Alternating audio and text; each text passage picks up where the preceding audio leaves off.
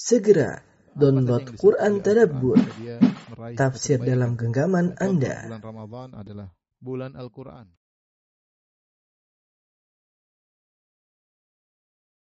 Bismillahirrahmanirrahim. Assalamualaikum warahmatullahi wabarakatuh.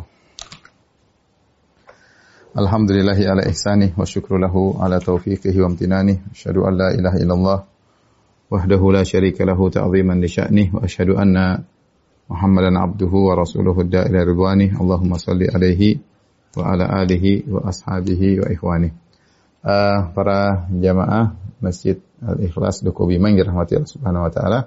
Kita melanjutkan bahasan kita tentang tafsir surat Al-A'raf dan pada kesempatan kali ini kita melanjutkan pada tafsir ayat ke-57 dan seterusnya. Allah Subhanahu wa taala berfirman, "Wa huwal ladzi yursilur riyaha busyran baina yaday rahmatih." Dan dialah Allah Subhanahu wa taala yang uh, meniupkan angin busyran sebagai kabar gembira baina yaday rahmati sebelum uh, datangnya rahmatnya sebelum turunnya hujan. Hatta idza aqallat sahaban thiqalan. Hingga apabila angin itu telah membawa awan yang mendung yang berat sukanahu li baladin mayyit maka kami bawa atau kami halau ke arah e, daerah yang tandus yang mati fa anzalna bihil ma'a maka dengan awan tersebut e, kami turunkan e, hujan fa akhrajna bihi dan dengan hujan tersebut kami tumbuhkan min kulli thamarat dari segala uh, berbagai macam buah-buahan. Kadzalika nukhrijul mauta la'allakum tadhakkarun. Dan demikianlah kami keluarkan mayat-mayat orang-orang mati pada hari kiamat kelak la'allakum uh, tadhakkarun. Semoga kalian bisa mengambil pelajaran. Wal baladu tayyibu yakhruju nabatuhu. Dan uh, tanah yang baik yakhruju nabatuhu biizni rabbih. Tanaman-tanamannya tumbuh dengan subur, dengan baik, dengan izin Rabbnya. Walladhi khabutha la yakhruju illa nakida. Adapun tanah yang buruk tidak keluar tumbuh-tumbuhannya kecuali sedikit dan uh, merana yaitu jelek. Kadzalika nusarriful ayati demikianlah kami mengulangi-ulangi tanda-tanda kebesaran kami liqaumi yashkurun uh, bagi orang-orang yang bersyukur. Perhatikan ayat ini. Allah Subhanahu wa taala berfirman, ya. Wa huwa alladhi yursilur riyaha bushran baina yaday rahmatih hatta idza teman-teman bisa buka di surat Al-A'raf ayat 57 ya, hatta idza aqallat sahaban thiqalan sukanahu di baladin mayyit. فأنزلنا به الماء فأخرجنا به من كل الثمرات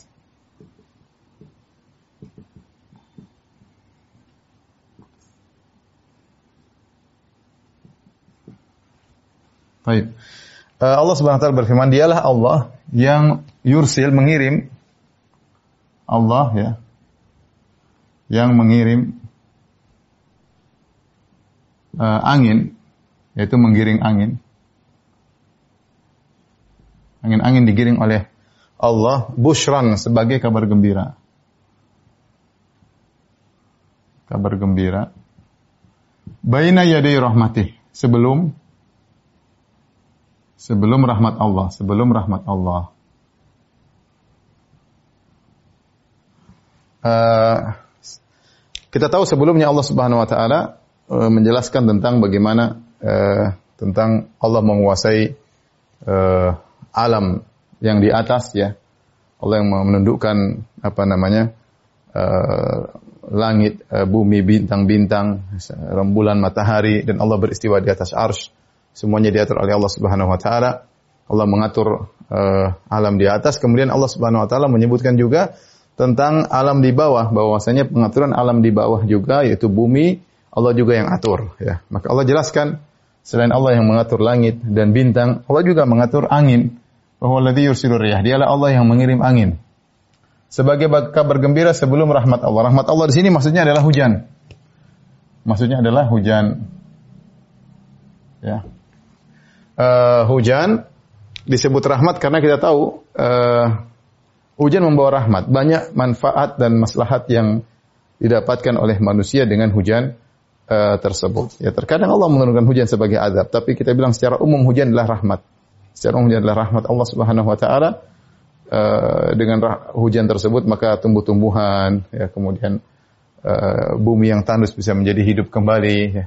Dan ini rahmat Allah adalah uh, idhafah makhluk kepada Allah. Itu rahmat ciptaan Allah. Hujan adalah maksudnya rahmat cipta, rahmat makhluk. Ciptaan Allah. Allah Subhanahu wa taala punya sifat rahmat ya. Al-Rahim, Ar-Rahmanur Rahim itu sifat sifat rahmat, tapi ini bukan sifat Allah ya, karena sesuatu yang diidhafahkan disandarkan kepada Allah terkadang makhluk. Contohnya seperti Baitullah, rumah Allah, bukan Baitullah bukanlah sifat Allah, tapi rumah yang diciptakan oleh Allah namun disandarkan kepada Allah karena dimuliakan. Sama seperti naqatullah, ontanya Allah, ontanya Nabi Soleh.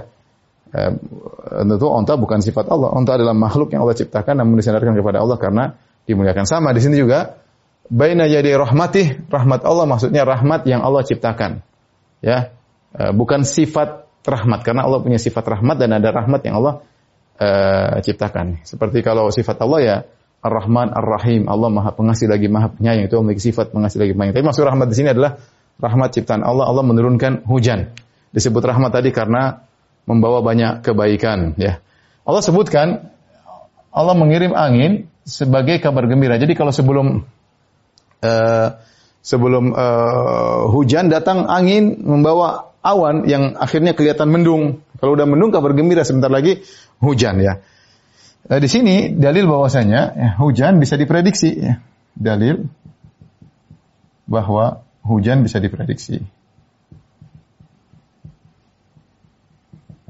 Ya. Uh, akan tetapi yang tahu tentang rahasia hujan secara mutlak hanya Allah. Wa yunazzil ghaith dan Allah yang menurunkan hujan. Tapi meskipun hujan bisa diprediksi, misalnya dengan perakiraan cuaca, namun yang tahu pas sedang hujan hanyalah Allah. Yang tahu, namun yang tahu pasti tentang perincian hujan hanya Allah. Hanyalah Allah. Dari sisi apa? Dari sisi pasti turun atau tidak, yang tahu hanya Allah. Kadang uh, atau kadang sudah mendung, tahu-tahu tidak hujan. Mendung tak mesti hujan ya kata orang ya. Itu yang tahu hanyalah Allah. Terus uh, di mana turunnya secara pasti yang tahu hanyalah Allah Subhanahu wa taala. Kemudian uh, biqadarin kami turunkan kata Allah dengan dengan kadar-kadarnya kadarnya yang tahu hanyalah Allah Subhanahu wa taala. Mau banyak mau sedikit mau jadi banjir atau enggak yang tahu hanyalah Allah Subhanahu wa taala ya. Ya, prediksi boleh, prediksi boleh ya.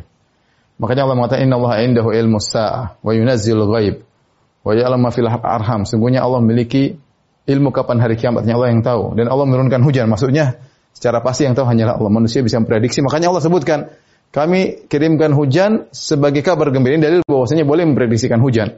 Karena ada kabar gembira, ya ada tanda-tanda mau turun hujan Allah kasih tanda-tanda.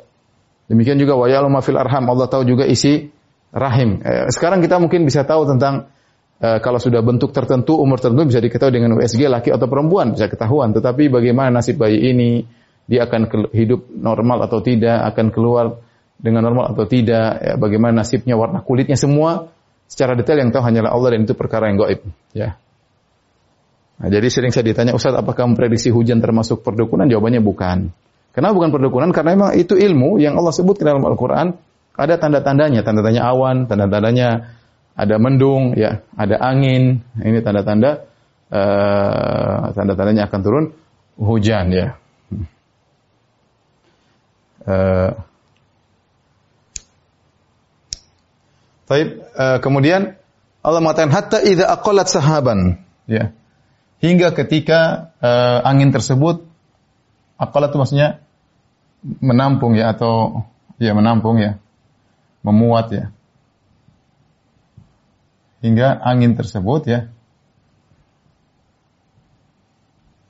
memuat sahaban sikalan, awan yang berat. Sikol maksudnya awan yang berat. Maksudnya berat dengan apa namanya butiran-butiran air, yaitu mendung. Mendung. Ya. Sukenahu li baladin mayit. Kami halau dia ke, kami halau, kami halau atau kami giring, halau atau giring ke bumi yang mati, bumi yang mati. Dalam kurung tandus ya. Jadi Allah yang giring. Angin tersebut angin yang diperintahkan Allah yang perintahkan. Kemudian Allah mengatakan angin tersebut membuat awan yang berat. Setelah itu Allah giring lagi angin tersebut kepada uh, bumi yang mati. Kemudian fa'anzalna bihil ma. Allah mengatakan dengan awan tersebut kami turun air. Dengan awan tersebut kami turunkan air turunkan hujan. Fa akhrajna bihi min kulli. Dengan hujan tersebut, perhatikan. Kami uh, keluarkan seluruh buah-buahan, seluruh buah-buahan. Ya. Baik. Perhatikan, eh, ini semua kata Ibnu Taimiyah rahimahullah taala menjelaskan tentang eh, hukum sebab akibat, ya, hukum sebab akibat. Ini yang disebut dengan sunnatullah, ya, sunnatullah. Allah ketika menciptakan alam semesta ini, Allah memiliki aturan-aturan, ya. Ada sebab-sebab dan dan akibat. Di antara sebab akibat tersebut, proses terjadinya hujan. Bagaimana proses terjadinya hujan? Allah jelaskan. Ya, ada angin yang Allah tiup, angin tersebut kemudian menampung Eh, butiran-butiran uh, air, kemudian menjadi awan yang mendung yang berat ya. Uh, sahabat Siqal dalam surat An-Nur Allah mengatakan uh, apa namanya? Uh, alam taro anna Allah yusji sahaban thumma yu'allifu bainahu thumma yaj'aluhu rukaman fatara al-wadqa yakhruju min khilalihi. Kata Allah tidakkah kau lihat bagaimana Allah menggiring awan? Ya. Thumma yu'allifu bainahu. Kemudian Allah rangkaikan awan-awan tersebut, dirangkai oleh Allah Subhanahu wa taala. Sumeja al hurukama. Kemudian Allah menjadikan awan tersebut bertingkat-tingkat. Semakin berat. Fatral wad yakhruju min khilali. Kemudian kau lihat hujan turun dari sela-sela uh, sela-sela uh, awan tersebut. Jadi sangat jelas bahwasanya Allah ciptakan hujan prosesnya lewat awan. Dari mana air tersebut? Dari uap dua air tentunya, uap air yang kemudian di, di, di, ditangkap oleh angin tersebut dirangkai menjadi awan, awan-awan kemudian akhirnya dikumpulkan menjadi semakin berat akhirnya jadi jadi uh, hujan. Ini adalah proses apa uh, sebab uh, akibat. Sebabnya ini tidak tidak bertentangan dengan pengetahuan. Ya kita bilang benar Allah Subhanahu wa taala yang menurunkan hujan tapi ada prosesnya. Prosesnya seperti ini. Benar-benar uh, ilmiah Al-Qur'an uh, sebutkan bagaimana ada apa namanya? apa namanya awan kemudian turun turun hujan ya dan tentunya apa namanya tidak bertentangan dengan ilmu sains dan teknologi ya. Makanya setelah itu Allah mengatakan fa'anzalna bihil ma dengan awan berat ini awan yang mendung ini kami turunkan hujan. Kemudian dengan hujan ini kami keluarkan seluruh buah-buahan ya. Di sini kullu min kulli ya. Ini umum uh, maksudnya Tahir bin Asyur mengatakan karena uh, balad mayit itu banyak, ya. Baladin mayit maksudnya bumi yang tandus itu banyak dan bumi yang tandus semuanya disirami dengan uh, hujan baru kemudian akan akan tumbuh muncul tumbuh-tumbuhan yang indah buah-buahan dan dengan hujan itulah keluar seluruh buah-buah yang ada dalam semesta ini dengan sebab hujan. Seluruh buah-buah yang ada dalam semesta ini keluar dengan sebab apa? Dengan sebab hujan baik secara langsung maupun air yang dengan hujan tersebut kemudian meresap ke akar-akar tapi dengan hujan tersebut maka muncullah seluruh buah-buahan. Jadi Allah tidak sedang berbicara tentang satu maksudnya Ibn Ashur menjelaskan karena ada yang mengatakan ini maksudnya hanya kullu di sini tidak memberikan faedah umum tapi hanya sekedar yang golib dominan tapi yang benar ini memberi faedah umum artinya Allah tidak berbicara tentang satu balad mayit satu daerah tandus tapi mencakup seluruh daerah tandus seluruh daerah tandus yang bisa tumbuh keluar tumbuh-tumbuhan adalah dengan sebab hujan. Setelah itu Allah berfirman, "Kadzalika nukhrijul mauta la'allakum tadhakkarun." Setelah, itu Allah berkata ya, kadzalika atau kita lanjutkan di sebelah sana ya. Lanjutkan di sini. Kata Allah Subhanahu wa taala, "Kadzalika nukhrijul mauta la'allakum tadhakkarun." Kata Allah, demikianlah kami mengeluarkan, menghidupkan kembali mayat-mayat orang-orang mati. Demikianlah kami hidupkan kembali kembali mayat-mayat pada hari kiamat kelak tentunya pada hari kiamat la'allakum tadhakkarun semoga kalian eh, apa namanya bisa mengambil pelajaran ya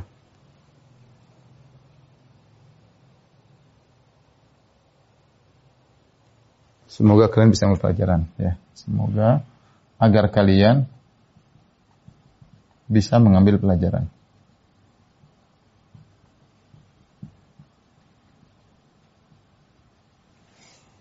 Uh, perhatikan di sini apa namanya? Uh, ini maksud saya penting untuk kita ingatkan bahwasanya uh, semua yang melakukan adalah Allah, tapi adalah sebab dan ada sebab dan dan akibat. Makanya misalnya dalam ayat ini Allah mengatakan hatta idza aqallat sahaban ketika angin mem memuat atau mengandung awan-awan yang berat ya. Di sini lihat Allah menyandarkan perbuatan kepada angin, seakan-akan angin tersebut memiliki perbuatan ya. Padahal Allah yang mentakdirkan semuanya. Tapi ter, kenapa disandarkan perbuatan kepada angin? Karena sebab dan akibat ya, sebab dan akibat ya. Tapi Kata Allah, "Kadzalika nukhrijul mauta kami kami hidupkan kembali mayat-mayat pada hari kiamat agar kalian bisa mengambil pelajaran." Artinya, Allah berdalil dengan kejadian alam yang sering dilihat oleh manusia, turun hujan, kemudian tumbuhan tumbuh. Itu adalah contoh kecil bahwasanya kebangkitan hari kiamat sangat mudah. Karena orang musyrikin mereka menolak adanya hari kebangkitan. Maka Allah jelaskan itu perkara yang kalian lihat sekarang bahwasanya ada uh, bumi yang mati. Nggak ada tumbuhan sama sekali. Nggak ada tumbuhan sama sekali. Bumi tandus nggak ada apa-apa. Tiba-tiba Allah turunkan hujan, tiba-tiba muncul tumbuhan. Ya. Muncul tumbuhannya. Demikian kira-kira nukhrijul mauta ya. Dari sisi ada tidak sama persis tapi ada kias bahwasanya sebagaimana kami bisa menumbuhkan uh, bumi yang sudah mati yang tandus bisa disuburkan kembali, bisa hijau tumbuh-tumbuhan muncul. Maka demikian juga manusia yang tadi sudah mati sudah jadi tulang belulang atau sudah menjadi lumat bersama tanah, hidupkan kembali juga mudah, ya. Bahkan dalam hadis yang saya disebutkan uh, nanti menjelang hari kebangkitan, maka antara tiupan pertama sangkakala yang pertama dengan tiupan sangkakala yang kedua yaitu arba'in jaraknya 4, 40 entah 40 hari, 40 bulan, 40 tahun, maka Allah turunkan hujan dari bawah arsh ya. Yang hujan tersebut seperti kamani rijal, seperti air mani uh, lelaki kemudian masuk ke dalam tanah kemudian mengenai sisa-sisa mayat yang ada ya ajabuz zanab di antaranya karena tulang ekor yang masih tersisa kemudian dia pun tumbuh tumbuh tumbuh kembali ya sebagaimana tumbuh-tumbuhan bisa tumbuh dengan tumbuh kembali menjadi jasad setelah jasad dengan proses ya tumbuh kemudian dikumpulkanlah semua yang pernah sudah menjadi yang menjadi uh, berubah kimianya menjadi menjadi tanah, menjadi apa kayak menjadi apa, Allah bisa kembalikan lagi ya. Ya. Uh, makanya Allah mengatakan uh, apa namanya? Uh, kami mengetahui ya apa namanya? Ajbal ajibu anja umundiru minhum faqala kafin hadza syai'un ajib Aida mitna wa kunna turaban dzalika rajum ba'id. Qad alimna ma tanqusul ardu minhum. Kata Allah, sungguh kami telah tahu bagian mereka yang dimakan oleh tanah, kata Allah. Kami tahu bagian tubuh mereka yang dimakan oleh tanah. Jadi Allah tahu Daging kita ini nanti kalau kita meninggal berubah menjadi apa? Allah kembalikan proses kimianya lagi mudah. Allah kembalikan proses kimianya menjadi daging lagi, kemudian dipasang pada ajabu zanab ditambah dengan ditambah dengan zat lain yaitu berupa air mani yang turun dari dari langit, kemudian Allah bikin proses makhluk yang baru ya, yang sumber eh, yang sumber bahannya berasal dari tubuh kita yang eh, yang Allah kembalikan dan juga dari air hujan yang tadi. Sehingga tumbuhlah manusia. Ketika tubuhnya sudah sempurna maka Allah kembalikan ruh untuk dibangkitkan pada hari hari kiamat kelak ya. Makanya Allah sebutkan pada hari kiamat kelak uh, walaqad alimtumun nasyatal ula. Sungguh kalian mengetahui tentang proses penciptaan yang pertama, isyarat bahwasanya nanti nasyah ukhra, penciptaan yang berikutnya kalian tidak tahu caranya. Tapi Allah kabarkan begitu. Yaitu sisa ajabu zamat, danab dari manusia, tulang ekor yang tersisa. Kemudian turun hujan seperti kamani rijal. Ini terjadi di antara di antara tiwan pertama sangkal pertama dengan sangkala kedua. Kemudian Allah kembalikan bagian tubuh tubuh manusia yang sudah berubah menjadi kimia bahan kimia lain, unsur lain dikembalikan oleh Allah kemudian tumbuhlah manusia. Tapi intinya mirip dengan mirip dengan proses tumbuhnya itu tumbuhan karena hujan. Makanya Allah mengatakan kadzalika nukhrijul mauta. Demikianlah kami mengeluarkan mayat-mayat untuk hidup kembali. La'allakum tadhakkarun agar kalian bisa mengambil pelajaran.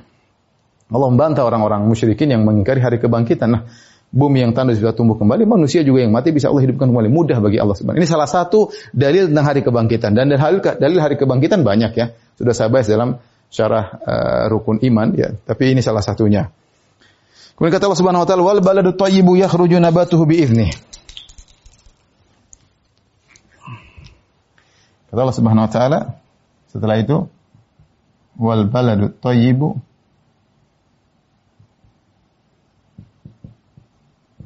yakhruju nabatuhu biizni walladhi khabusa la yakhruju illa nakida la yakhruju illa nakida kadzalika nusarrifu al-ayat liqaumin yashkurun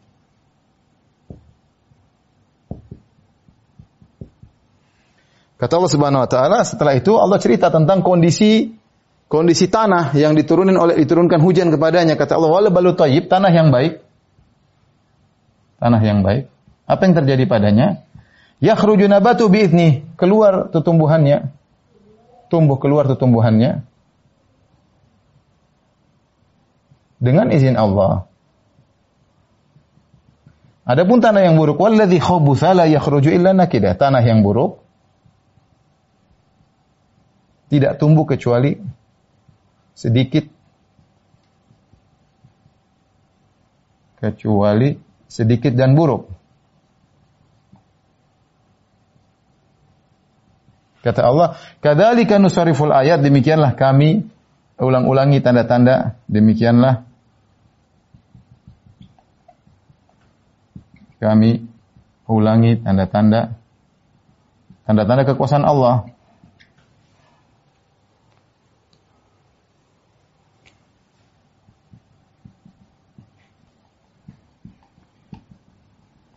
Kaum yashkurun bagi kaum yang bersyukur.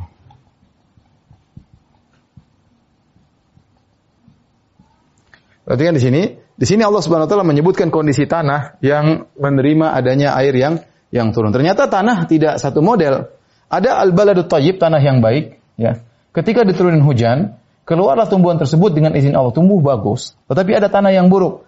Alladzi khabutha, tanah yang buruk tidak tumbuh kecuali dengan sedikit dan buruk. Tanahnya buruk, tumbuhannya juga buruk. Demikianlah kami ulangi tanda-tanda kekuasaan Allah bagi kaum yang bersyukur. Perhatikan sini. Ada faedah yang kita uh, sampaikan di sini. Allah mengatakan, Allah ajak kita merenungkan. Sebelumnya Allah mengatakan, la'allakum tadhakkarun agar kalian mengambil pelajaran. Dengan orang mengambil pelajaran, dia akan bersyukur. Dia akan bersyukur. Ya. Nah, untuk bisa bersyukur, dia butuh mengambil pelajaran. Dan sehingga tahu bahwa ini untuk bisa mengambil pelajaran ada ibadah namanya ibadah tafakkur ya wali tibar. Ibadah tafakkur wali tibar. Dan ini uh, diisyaratkan oleh Al-Alusi dalam tafsirnya. Bagaimana Anda bisa mengambil pelajaran? Anda berpikir dulu lah, berpikir tentang proses terjadinya hujan, Allah mengirim angin, Allah kemudian angin merangkai awan, awan menjadi berat, kemudian dengan awan yang berat tersebut Allah halau, Allah giring kepada uh, tanah yang tandus kemudian Allah turunkan dengan awan berat tadi jadi hujan. Dengan hujan tersebut Allah tumbuhkan tumbuhan kemudian uh, dengan dengan itu demikianlah cara kami untuk mengeluarkan mayat-mayat dari kuburan nanti pada hari kiamat kelak. Ternyata tanah ada dua model. Ada tanah yang baik ada tanah yang buruk. Tanah yang baik maka keluar tumbuhannya dengan bagus, tanah yang buruk, tumbuhan yang keluar sedikit dan buruk. Demikianlah kami jelaskan ayat-ayat kami agar kalian bersyukur. Nah, agar bisa bersyukur kita harus pandai berpikir. Ini kan perlu dipikir. Ini tafakur tentang makhlukat Allah, makhluk-makhluk Allah Subhanahu wa taala. Jadi, saya ingin sampaikan bahwasanya ibadah banyak. Di antara ibadah adalah uh, baca Al-Qur'an, salat, bersedekah. Di antara ibadah adalah tafakur tentang tanda-tanda kekuasaan Allah. Ini yang seharusnya seharusnya dimiliki oleh ahli-ahli fisika. Para fisikawan, tapi anehnya sebagian dari mereka ketika menemukan tentang sunatullah, aturan-aturan alam justru menjadi ateis. Seharusnya ketika mereka temukan aturan-aturan alam ternyata proses alam ini luar biasa, berarti ada yang membuat proses tersebut. Tidak mungkin proses tersebut terjadi dengan sendirinya dengan evolusi atau nggak mungkin. Pasti ada yang ngatur. Lihat ini proses alam kan. Angin bertiup, kemudian merangkai awan, awan jadi berat, kemudian hujan dan itu berulang-ulang. Makanya Allah mengatakan wasama idzati raja. Demi langit yang selalu mengalami pengulangan itu pengulangan turun hujan itu berulang-ulang terus. Kita lihat apalagi di Indonesia sering kali hujan. Itu berulang-ulang. Proses berarti sunatullah sudah berlaku. Nah, bagaimana kita bisa mengambil pelajaran? Kita mikir. Jadi kita tahu bahwasanya di antara ibadah adalah merenung. Inna fi khalqis samawati wal ardi wa ikhtilafil laili wan nahari la ayatin li ulil albab alladzina yadhkuruna Allah qiyaman wa qu'udan wa ala junubihim yatafakkaruna fi khalqis samawati wal ardi. Allah memuji sebagian penghuni surga ciri-ciri mereka di antaranya wa yatafakkaruna fi khalqis samawati wal ardi. Mereka merenungkan tentang penciptaan langit dan bumi. Rabbana ma khalaqta hadza batila. Ya Rabb kami tidak mungkin kau menciptakan ini sia-sia, pasti ada tujuannya. Faqina adzaban nar. Kalau begitu jauhkanlah kami dari adab neraka jahanam.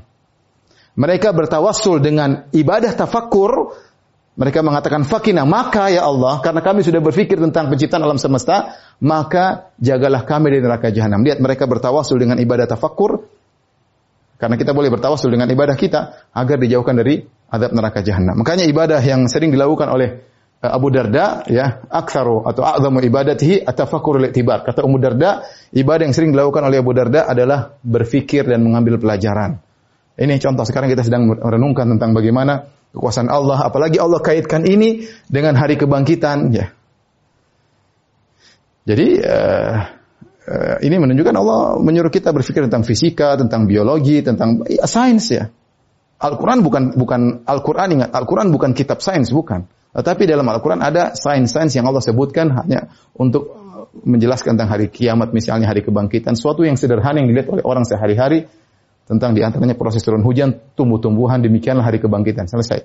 Tapi kita merenungkan hal tersebut ya.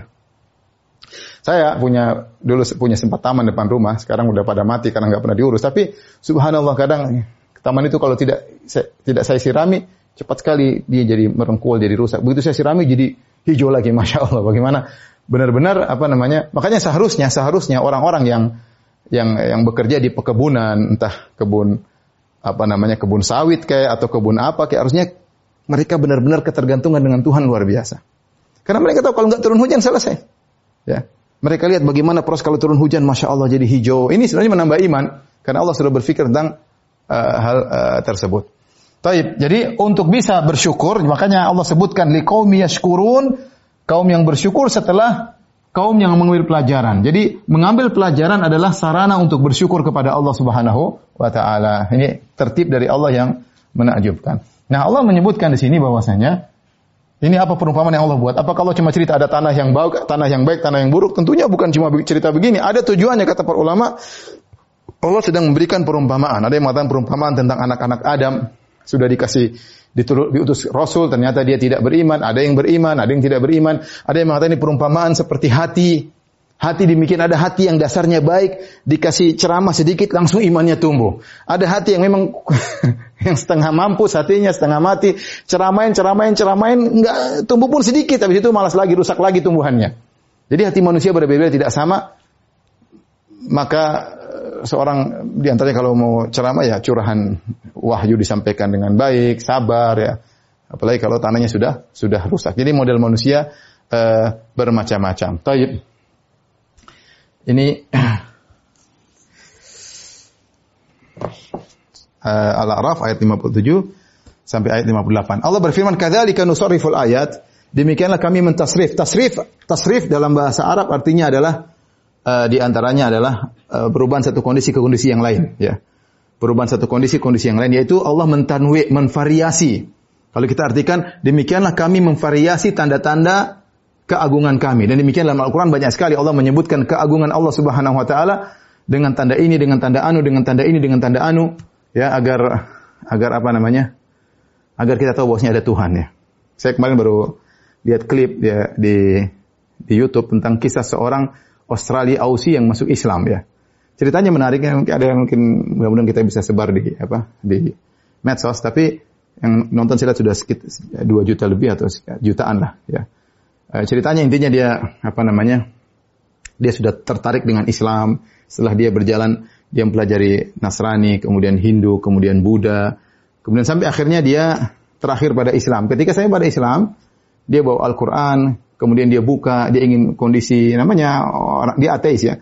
Namanya kondisi yang dia ingin Allah tunjukkan uh, agar dia masuk Islam ya. Dia mengatakan tinggal ada satu dorongan saja saya akan masuk Islam. Maka dia bilang saya membuka buat kondisi yang dramatis, saya mati saya matikan lampu, saya nyalakan lilin, saya buka jendela. Terus saya bilang, "Ya Tuhan, kalau kau memang ada tunjukkanlah kepadaku ya. Tunjukkan, ayo Tuhan, tunjukkanlah supaya saya masuk Islam ya." Kemudian dia menunggu apakah ada kilat yang datang atau ada lampu yang menyala atau lilin yang tiba-tiba meledak. Pokoknya ada tanda lah menunjukkan Tuhan kamu itu ada. Ternyata dia tunggu-tunggu gak ada. Gak ada tanda-tanda tersebut. Dia tunggu, dia tunggu. Ya Allah, Tuhan, tunjukkan kamu ada biar saya beriman. Tidak ada tanda-tanda tersebut. Dia tunggu-tunggu, datang tiba-tiba. Kemudian dia setengah putus asa. Kemudian dia melihat, dia buka lembaran Al-Quran persis tentang ayat-ayat yang berbicara tentang ciptaan-ciptaan Allah Subhanahu Wa Taala. Ya, bahwasanya cipta-ciptaan Allah itu menunjukkan Tuhan itu ada. Ya, maka kemudian dia beriman, dia masuk Islam, dia ceritakan bagaimana kisah Islamnya. Allah mengatakan kadzalika nusarriful ayat. Demikianlah kami mentanwi memvariasi tentang tanda-tanda kebesaran kebesaran Tuhan. Orang bisa mengaku adanya Tuhan dengan banyak cara. Ya, dengan banyak dalil. Ya, Allah berikan tanda terlalu banyak. Nah, kalau orang masih saja mengingkari adanya Tuhan, orang memang benar-benar bahlul, benar-benar otaknya nggak jalan, ya. Banyak hal kita bisa lihat kita ini ada Tuhan, nggak mungkin, ya. Nggak mungkin nggak ada Tuhan, ya. Taib, kita lanjutkan. Setelah itu Allah Subhanahu wa taala uh, berfirman tentang kisah Nabi Nuh alaihissalam. Dan inilah uh, ayat pertama yang berbicara tentang kisah para nabi ya. Karena kisah para nabi uh, dari surat Al-Baqarah, kemudian surat Ali Imran ya, kemudian surat uh, surat Al Imran, kemudian surat An-Nisa, surat Al-Maidah, kemudian surat Al-An'am baru kemudian surat surat Al-A'raf ini yang pertama kali cerita tentang kisah Nabi Nuh. Kemudian secara tertib zamani, kemudian secara urutan zaman. Nabi Nuh, kemudian Nabi Hud, kemudian Nabi Saleh, uh, kemudian Nabi apa? Nabi Lut, Nabi Shu'aib. Pertama kali datang dalam Al-Quran dalam surat Al-A'raf. Inilah ayat-ayatnya. Sebelumnya memang ada disebut sebagian kisah Nabi Musa alaihissalam atau kisah Nabi Isa di surat Ali Imran misalnya. Tetapi yang tertib dari Nabi Nuh, kemudian tur, kemudian nanti ada Nabi Adam alaihissalam baru pertama dalam surat Al-A'raf. Ya. Taib Allah berfirman, Ah, tolong dihapus ini. Sebentar ya.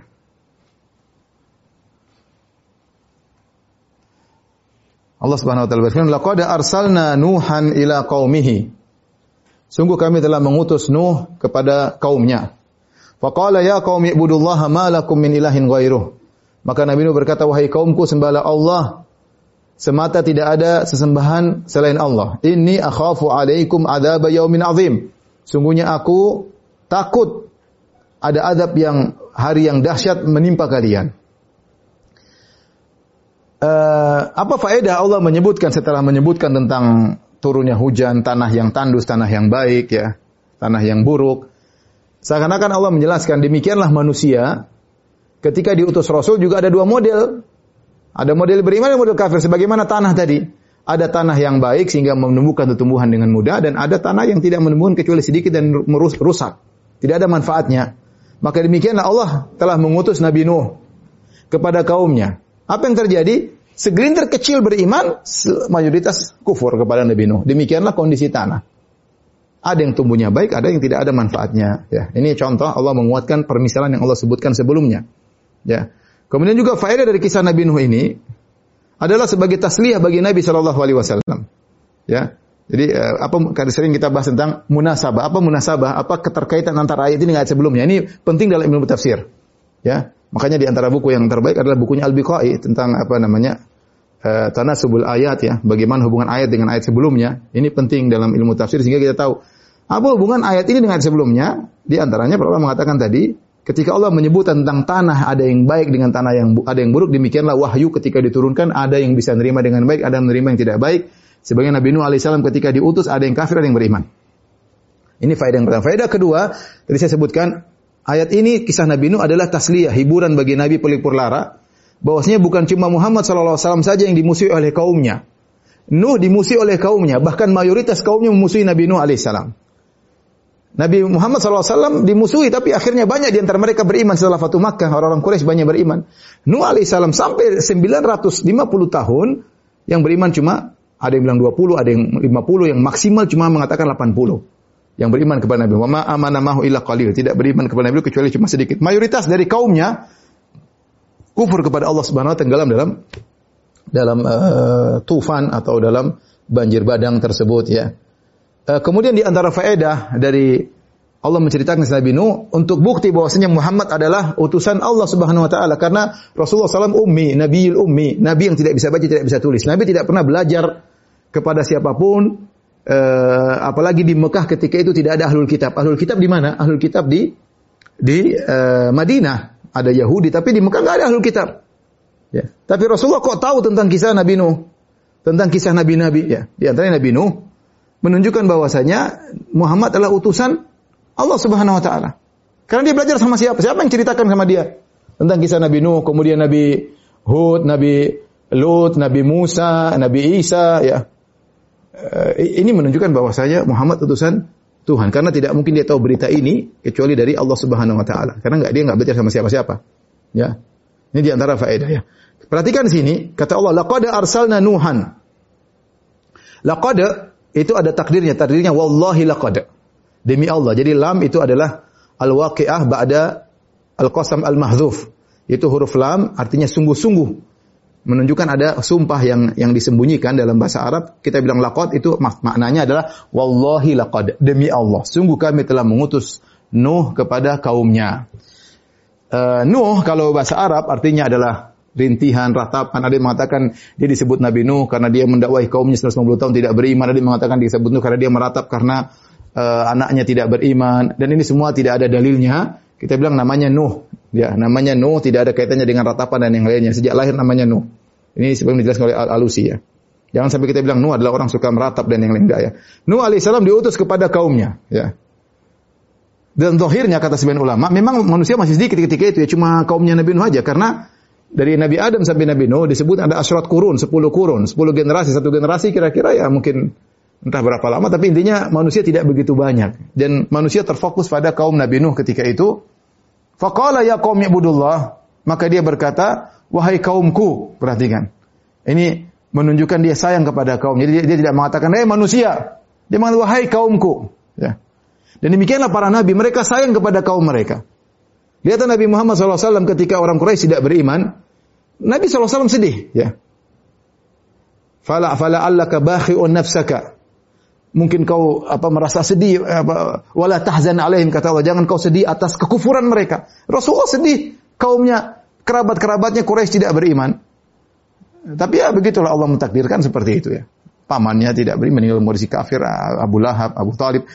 Demikian juga Nuh ketika dia berdakwah dia sayang kepada kaumnya. Maka dia mengatakan ya qaumi panggilan kasih sayang wahai kaumku. Ya aku dan kalian sama sama-sama satu suku. Kita ini bersaudara. Wahai kaumku Ubudullah malakum min ilahin ghairuh. Yang pertama beliau serukan adalah tauhid. Sembahlah Allah saja, tidak ada sembahan selain Allah. Sebenarnya yang paling penting tauhid. Bahkan sebagian ulama seperti Tahir bin Ashur dalam tafsirnya mengatakan tidak dijelaskan Nuh punya syariat kecuali tauhid. Belum ada syariat macam-macam. Maksudnya syariat puasa, syariat apa belum disebutkan. Intinya syariat disuruh tauhid doang ketika itu. Ya. Malakum min ilahin ghairu tidak ada sembahan selain Allah. Inni akhafu alaikum adzab yaumin azim. Sungguhnya aku khawatir kalian ditimpa dengan adab di hari yang dahsyat. Ya. Kaumnya ini, ya, kaumnya ini, ya mungkin mengejek Nuh apa adab-adaban. Karena memang belum ada adab sebelum mereka. Lain hanya ketika Nabi Hud berbicara kepada kaum Ad, ya ada contoh adab menimpa kaum Nabi Nuh. Taruhlah Nabi Soleh berdakwah kepada kaum Samud, sudah ada contoh ya. Sebelumnya sudah ada adab menimpa kaum Nabi Nuh, sudah ada adab menimpa kaum Nabi Hud. Tapi ketika Nabi Nuh berdakwah belum ada adab sebelumnya. Makanya ketika Nabi Nuh berbicara tentang adab, kaumnya mengejek adab-adab apa? Memang belum ada adab sebelumnya. Karena dari, dari Nabi Adam langsung Nabi Nuh dan belum ada adab sebelumnya.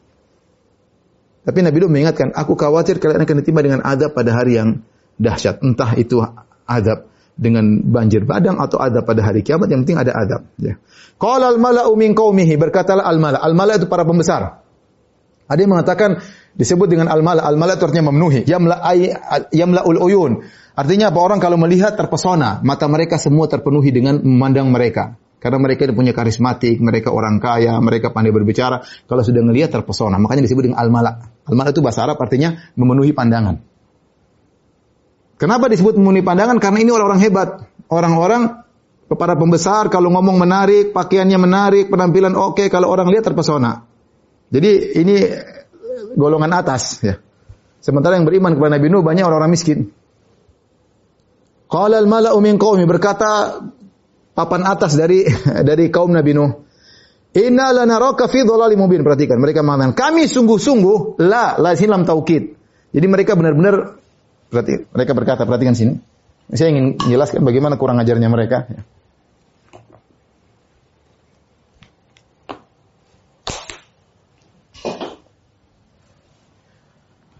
Kata mereka, inna lanaraka fi dhalalin mubin. Artinya, sungguh kami ini ada nun, taukid, nun taukid inna, sungguh-sungguh kami. La, la ini taukid lagi, taukid penekanan juga. Kalau kita bahasa Arab sungguh-sungguh kami benar-benar sudah sungguh-sungguh benar-benar lagi. Benar-benar melihat engkau ya. Melihatmu dalam kesesatan, dalam kesesatan yang nyata. Jadi bukan sesat doang. Mereka cuma bukan bilang, Nuh kamu sesat, tapi benar-benar sesat kamu Nuh. Ya, kesesatan yang yang nyata. Jadi Nuh benar-benar dalam kesesatan yang uh, yang nyata. Perhatikan, jadi mereka ke dalam kesesatan yang yang nyata. Ini sungguh ejekan terhadap Nabi Nuh. Ya. Inna kami sungguh-sungguh melihat benar-benar melihatmu dalam kesatan yang nyata. Nabi Nuh membantah. Ya qaumi laisa bi dhalalatin. Laisa bi dhalalatin. Ya qaumi. Laisa bi dhalalatun. Walakinni rasulun min rabbil alamin. Kata Nabi Nuh alaihissalam, wahai kaumku. Wahai kaumku. Tetap Nabi Nuh menjawab dengan halus, wahai kaumku. Sama sekali tidak ada satu kesatuan pun dalam diriku. Sama sekali. Tidak ada satu kesesatan pun, sekecil apa pun. Kesesatan pun padaku. Walakinni akan tetapi aku utusan Tuhan. Akan tetapi aku ini sungguh aku ini sungguh utusan Tuhan, Rabbil Alamin, utusan Tuhan. Ya. Nabi Nuh bantah dengan halus kata para ulama, dia tidak mengatakan ente yang sesat enggak ya. ya dia tidak sesat, dia tidak mengatakan ente ente yang sesat. Dia enggak gitu. Dia bilang, wahai kaumku, jangankan kesesatan yang nyata. Saya sedikit kesesatan pun saya tidak punya. Saya tidak sesat sama sekali. Bagaimana saya mau sesat sementara saya utusan Allah? Utusan penguasa alam semesta, utusan yang telah menciptakan kalian. Saya diutus. Ya, saya tidak punya kesatan sama sekali. hukum risalata rabbi. Kemudian dia jelaskan. hukum risalati risalati rabbi. Wa ana lakum nasihun wa ansahu lakum. Wa alau minallahi ma la ta'lamun. Kata Nabi Nuh, saya ini utusan Tuhan dan aku menyampaikan kepada kalian risalah-risalah Tuhanku. Aku hanya pembawa pesan. Risalah itu pesan-pesan. Tuhanku. Cuma membawa pesan. Ya. Tidak ada tugas lain, aku tidak ingin apa, aku mencapai men, hanya menyampaikan risalah-risalah pesan-pesan Tuhanku. Kenapa di jamak sini pesan-pesan plural bukan bukan hanya risalah ti, pesan tapi pesan-pesan karena kita tahu uh, isi dari dakwah para nabi banyak topiknya tentang ini, tentang anu, tentang ini, tentang anu. Makanya Ya, Nabi Nuh menggunakan kata jama' uballiukum risalati rabbi. Ya. Karena topiknya banyak atau Nabi Nuh menyampaikan dalam waktu yang berbeda-beda. Kapan dia sampaikan ini, waktu lain menyampaikan lagi sehingga banyak pesan-pesan yang Nabi Nuh sampaikan entah topiknya bermacam-macam atau waktu penyampaiannya berbeda-beda. Wa ansahulakum. Perhatikan sini dan aku beri nasihat kepada kalian. Tugas tujuanku cuma ini memberi nasihat. Memberi nasihat.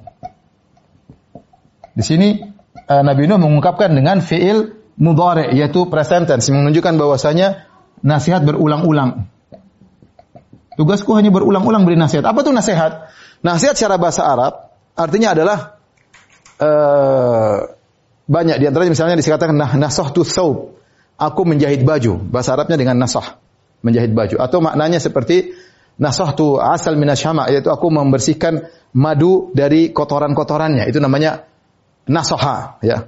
Makanya disebut atau nasoha artinya mem mem melakukan yang terbaik. Ketika ada baju yang rusak saya perbaiki namanya nasahtu.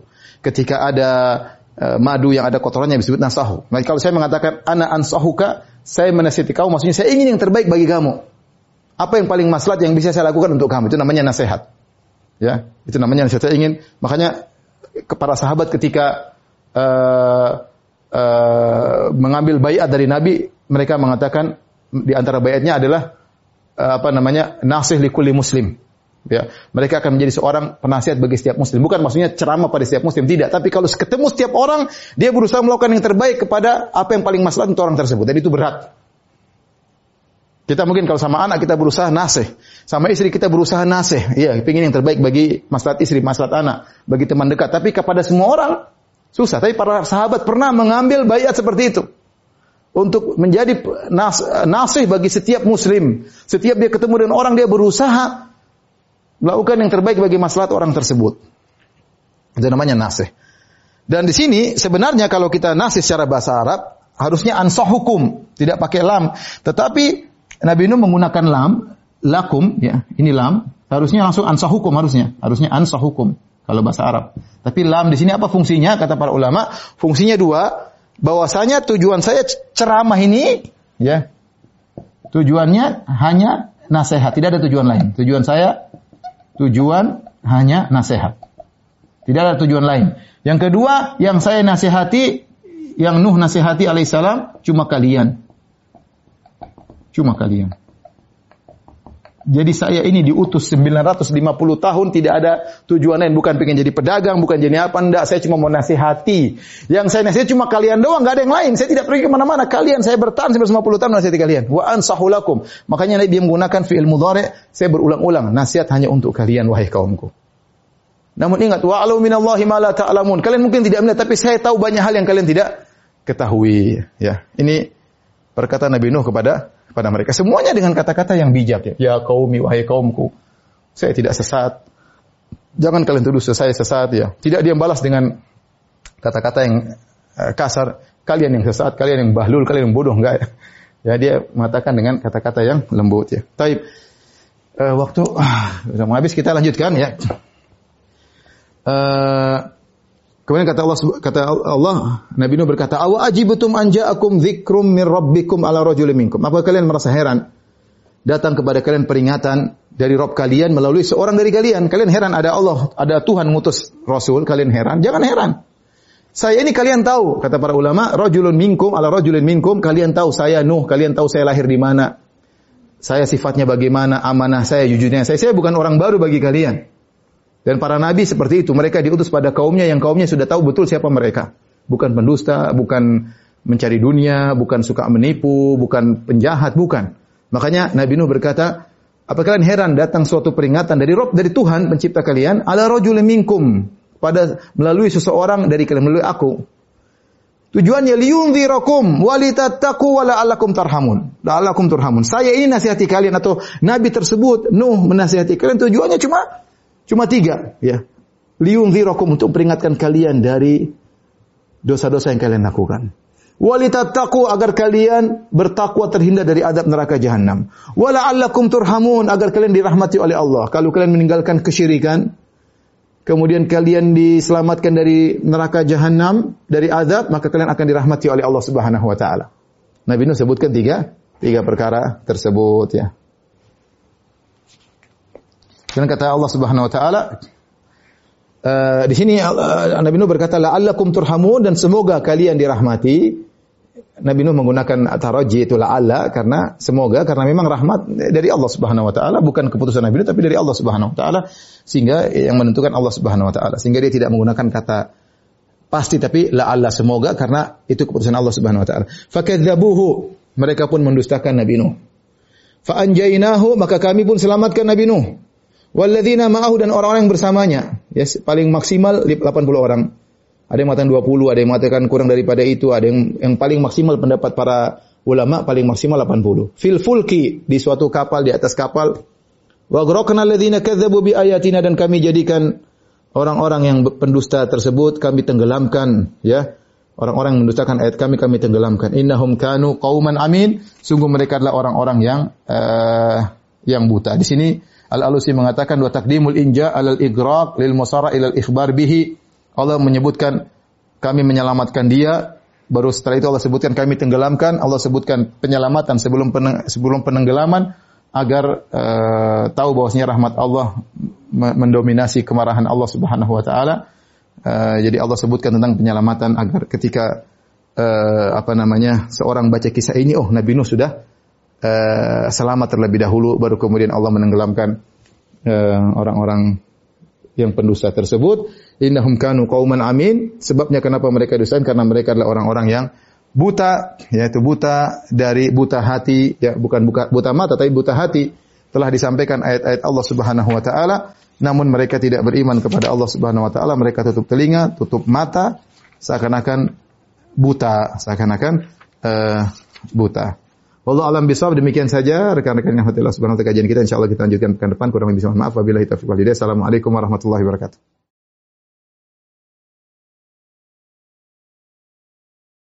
Segera download Quran Tadabbur, tafsir dalam genggaman Anda. Bulan Ramadan adalah bulan Al-Quran.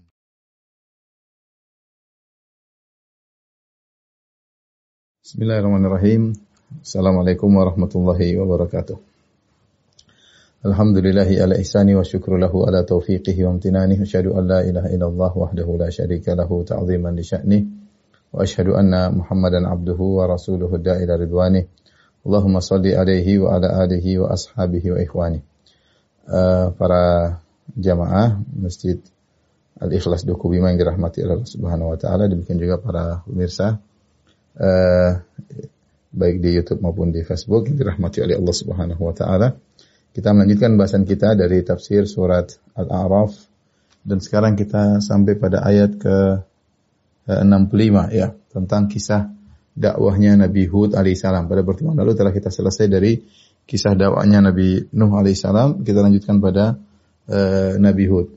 Dan secara urutan waktu demikian setelah Nuh, kemudian Hud, setelah Hud, kemudian Samud ya. Uh, Allah Subhanahu wa taala berfirman, "Wa ila 'adin akhahum Huda." Dan kami mengutus kepada kaum 'Ad uh, saudara mereka yaitu Nabi Hud uh, alaihissalam. Qala ya qaumi ibudullaha ma lakum min ilahin ghairuh. Maka Nabi Hud berkata kepada uh, kaumnya ya uh, Wahai kaumku sembahlah Allah semata tidak ada sembahan bagi kalian selain Allah. Afala tattaqun? Maka kenapa kalian tidak bertakwa? Qala al-mala'u alladhina kafaru min qaumihi inna lanaraka fi safaha. Berkata para pembesar-pembesar dari kaumnya yang kafir berkata, inna lanaraka fi safaha. Sungguh kami ini benar-benar uh, menganggap kalian, menganggap engkau wahai Hud bodoh. Safaha itu kurang akal. Khifatul akal dia itu kurang akal. Wa inna lanadhunnuka minal kadhibin dan menurut kami benar-benar engkau termasuk para pendusta. Nabi Hud berkata, "Qala ya qaumi laisa bi safahatun walakinni rasulun min rabbil alamin." Nabi Hud berkata, "Wahai kaumku, sungguhnya tidak ada kebodohan sedikit pun pada diriku. Walakinni rasulun min rabbil alamin, akan tapi aku adalah utusan dari uh, Rabbul alamin, dari penguasa alam semesta." Baik. Adapun kaum Ad ya, kaum Ad disebut juga dengan uh, Adanil Ula ya. Uh, kaum Ad sering kita sampaikan tapi tidak apa kita sampaikan kembali ya.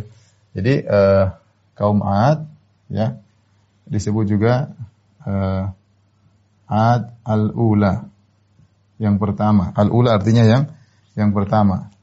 Sebenarnya mengatakan kenapa dikatakan yang pertama? Untuk membedakan dengan kaum Samud ya. Untuk membedakan dengan kaum Samud. Membedakan dengan kaum membedakan dengan kaum Samud. Kenapa? Karena kaum Samud uh, juga keturunan dari kaum Ad ya.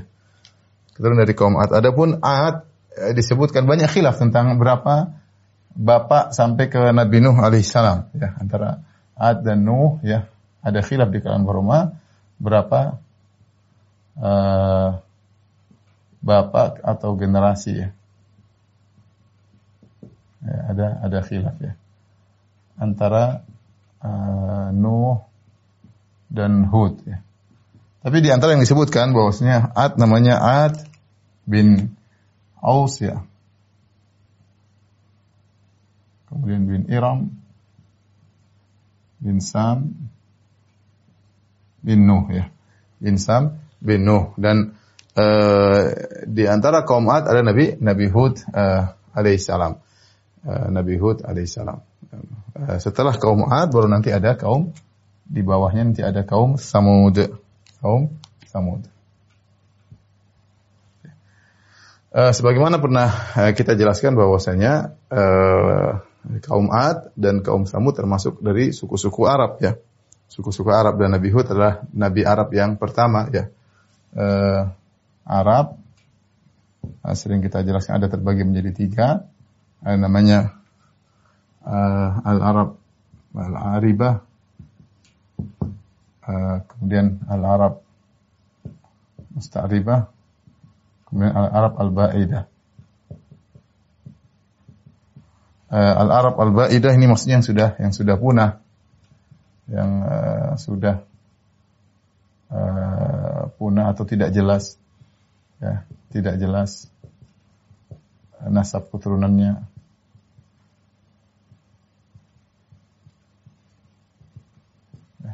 di antara Arab Al-Ba'idah adalah uh, di antaranya kaum Ad, kaum Samud. Ad, kaum Samud. Ini dua-duanya Arab Al-Ba'idah. Al-Arab Al-Aribah, ini maksudnya adalah Arab asli. Arab asli. Ini uh, maksudnya adalah uh, dari kabilah Qahtan ya. Qahtan di Yaman. Kemudian al-Arab al-Musta'ribah yaitu Arab dari keturunan ya, Arab dari keturunan Ismail alaihissalam dan istrinya dari kabilah Jurhum. Kabilah Jurhum ya. Kenapa disebut dengan Arab al-Musta'rabah? Karena Ismail alaihissalam bukan Arab. Ismail ini bukan Arab. Tapi dia dari Babil, ya, anaknya Nabi Ibrahim alaihissalam. Adapun istrinya dari Jurhum. Jurhum ini Arab asli. Sehingga anak keturunannya dianggap sebagai Arab karena Ismail alaihissalam orang yang sangat pakar bahasa Arab. Di antara keturunannya adalah Quraisy. Quraisy. Yang di antara keturunannya adalah Nabi Muhammad sallallahu alaihi wasallam.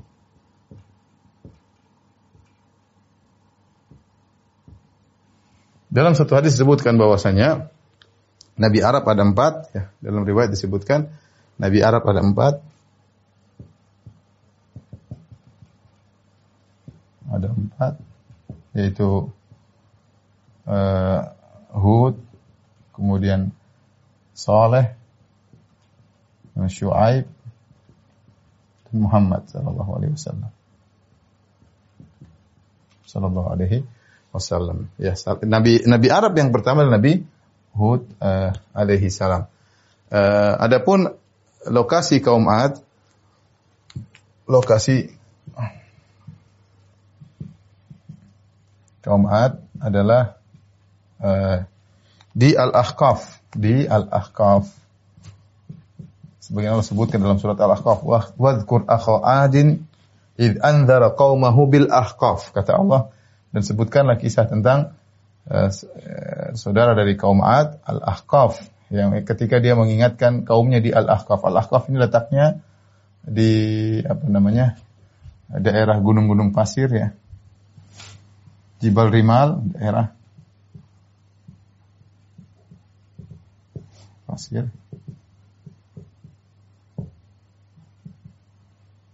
Rimal antara terletak antara uh, Al-Hadramaut Hadramaut Yaman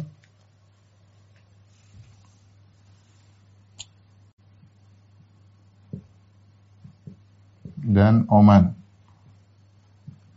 Oman ya. Yang sekarang katanya adalah uh, daerah uh, Rubul Khali yaitu padang pasir. Mereka sempat pernah tinggal di uh, di sana. Itulah daerah lokasi uh, kaum uh, kaum Ad. Makanya sering disebutkan penyebutan mereka kaum Ad, kaum Samud disebut dalam Al-Qur'an karena karena kaum Ad dan kaum Samud terletak di dekat Hijaz, dekat uh, dekat Arab Saudi ya gampangannya. Kaum Samud di daerah utara kota Madinah, kaum Ad ke arah Yaman menuju Oman ya. Dan itu tempat-tempat yang dilalui oleh orang-orang Quraisy dahulu atau orang-orang Arab dahulu dalam uh, perdagangan mereka, mereka melewati Samud, kaum Samud, Diyar Samud yaitu di Al-Ula sebelah utara kota Madinah uh, dan juga melewati daerah uh, kaum Ad yaitu di Al-Ahqaf sebelah uh, selatan tapi bagian bagian kanan ya. Uh, daerah apa? Uh, Tenggara berarti daerah tenggaranya uh, kota Mekah atau kota uh, Madinah ya. Eh, dan cerita Nabi Hud dan Nabi Saleh ya. Cerita Nabi Hud dan Nabi Saleh ini eh, tidak ada tidak ada di Bible ya. Tidak ada di Bible. Kenapa? Tidak di perjanjian lama ya. Karena ini adalah nabi-nabi Arab. Allah alam ya. Ini adalah nabi-nabi Arab. Sementara mereka tidak mengakui nabi-nabi uh, Arab orang mereka mengakuinya nabi-nabi Bani Israel. Uh, Allah alam bisa. Baik. Uh, kita lanjutkan. Allah Subhanahu wa taala berfirman di awal uh, ayat wa ila adin akhahum huda dan kami utus kepada kaum Ad saudara mereka Nabi Hud ya. Uh, Allah tidak katakan ini kepada uh, ketika Allah berbicara tentang Nabi Nuh ya. Ketika Allah berbicara tentang Nabi Nuh, Allah berkata, Laqad arsalna Nuhan ila qaumihi. Sungguh kami telah mengutus Nuh kepada kaumnya. Allah tidak mengatakan kepada kaum Nuh kami utus saudara mereka. Nuh.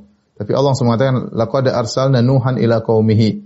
Kami utus Nuh kepada kaumnya. Adapun Nabi Hud, Nabi Saleh, Allah mengatakan uh, saudara mereka wa ila adin akhahum dan Allah mengutus kepada kaum Ad saudara mereka Hud. Kenapa Nabi Nuh tidak disebut? Karena Nabi Nuh ketika itu manusia cuma Nuh dan pengikutnya sehingga tidak perlu ada pembedaan kabilah-kabilah suku-suku. Tetapi ketika di zaman kaum Ad ada suku-suku yang lain, ada suku Ad, ada suku-suku yang lain. Sehingga Allah menjelaskan kami mengutus kepada kaum Ad dari seorang dari suku mereka sendiri, bukan dari suku yang lain. Bukan dari suku yang lain. Makanya disebut dengan akhahum, saudara mereka. Beda dengan Nabi Nuh tidak perlu menyebut karena karena di zaman Nabi Nuh tidak ada suku-suku ya. Suku cuma satu itu aja, Nabi Nuh dan para pengikutnya. Ketika sampai pada kaum Ad itu sekitar ada tujuh bapak, ada yang mengatakan lebih, ada yang mengatakan kurang. Tujuh generasi antara Nabi Nuh sampai uh, Nabi Hud, maka di situ sudah banyak suku-suku ya karena anak-anak Nabi Nuh ber, beranak pinak sehingga banyak suku-suku. Allah khusus bicara tentang suku Ad. This meeting is being recorded. Allah khusus berbicara tentang suku Ad dan dalam suku Ad Allah kirim saudara mereka Nabi Hud ya saudara mereka dari sisa sama-sama satu nasab sama-sama satu suku apa faedahnya Allah mengutus seorang nabi dari kaumnya sendiri ya di antaranya dua dua dua faedah faedah pertama pertama mereka mengenal betul siapa orang tersebut mereka sudah kenal betul siapa Hud mereka tahu kejujurannya mereka tahu amanahnya mereka tahu uh, akhlaknya yang mulia karena Allah tidak memilih sembarangan nabi ya. Ketika Allah mengangkat Hud sebagai nabi untuk di, Rasul itu kepada mereka berarti Hud atau Nabi Hud adalah orang yang spesial dan dia ketahui oleh kaumnya. Karena Hud adalah saudara mereka sendiri, satu nasab dengan mereka. Ini faedah pertama. Faedah kedua, uh, karena uh, mereka lebih paham tentang bahasa Nabi Hud ya. ya Nabi Hud berdakwah dengan bahasa mereka. Ya. Seandainya kalau dari suku yang lain mungkin mereka tidak paham. Ketika yang diutus oleh Allah Subhanahu wa taala Nabi Hud yang merupakan uh, dari suku mereka, mereka lebih paham tentang apa yang disampaikan tentang uh, dakwah oleh Nabi Hud alaihissalam. Kemudian Nabi Hud berkata, ya, Qala ya qaumi ibudullaha ma lakum min ilahin ghairuh. Afala tattaqun? Wahai kaumku, sembahlah Allah saja ya. Malakum min ilahin ghairuh. Tidak ada sembahan bagi kalian selain Allah. Rupanya kaum Ad mereka menyembah berhala-berhala. Mereka menyembah berhala-berhala. Ya. Sehingga Nabi Hud tegur ya. ya. Subhanallah. Uh, berhala tersebut pertama kali di zaman Nabi Nuh, kemudian ditimpa dengan banjir, kemudian setelah tujuh generasi muncul lagi penyembahan terhadap berhala-berhala berhala-berhala pada kaum Ad sehingga Allah mengutus Nabi Hud. E, kata Nabi Hud, "Malakum min ilahin ghairu." Tidak ada sembahan bagi kalian selain Allah. Afala tattaqun? Tidaklah kalian bertakwa? Bertakwa maksudnya tidaklah kalian mencegah diri kalian dari adab yang pedih, ya. E, di sini para ulama mengatakan Nabi Nabi Nuh tidak mengatakan demikian. Ketika Nabi Nuh berdakwah kepada kaumnya, Nabi Nuh hanya berkata, "Ini akhafu alaikum adzab yaumin azim." Aku takut adab yang pedih menimpa kalian. Adab pada hari yang sangat pedih menimpa kalian. Nabi Nuh ketika berdakwah dia Nabi Rasul yang pertama. Belum ada pada kaumku sebelumnya ada kisah azab yang menimpa. Ya berbeda dengan kaum Nabi Hud. Kaum Ad mereka tahu tentang kisah Nabi Nuh nenek moyang mereka. Maka Nabi Hud menggunakan kata afala tattaqun? Tidakkah kalian bertakwa? Takwa artinya mencegah diri dari azab Allah. Tidakkah kalian mencegah diri kalian dari azab Allah sebagaimana azab yang pernah menimpa nenek moyang kita sebelumnya kaum Nabi Nuh ya. ya atau apa namanya tidak menimpa orang sebelum kita yaitu kaum Nabi Nuh ya. Kaum Nabi Nuh jadi sehingga dikatakan afala tattaqun.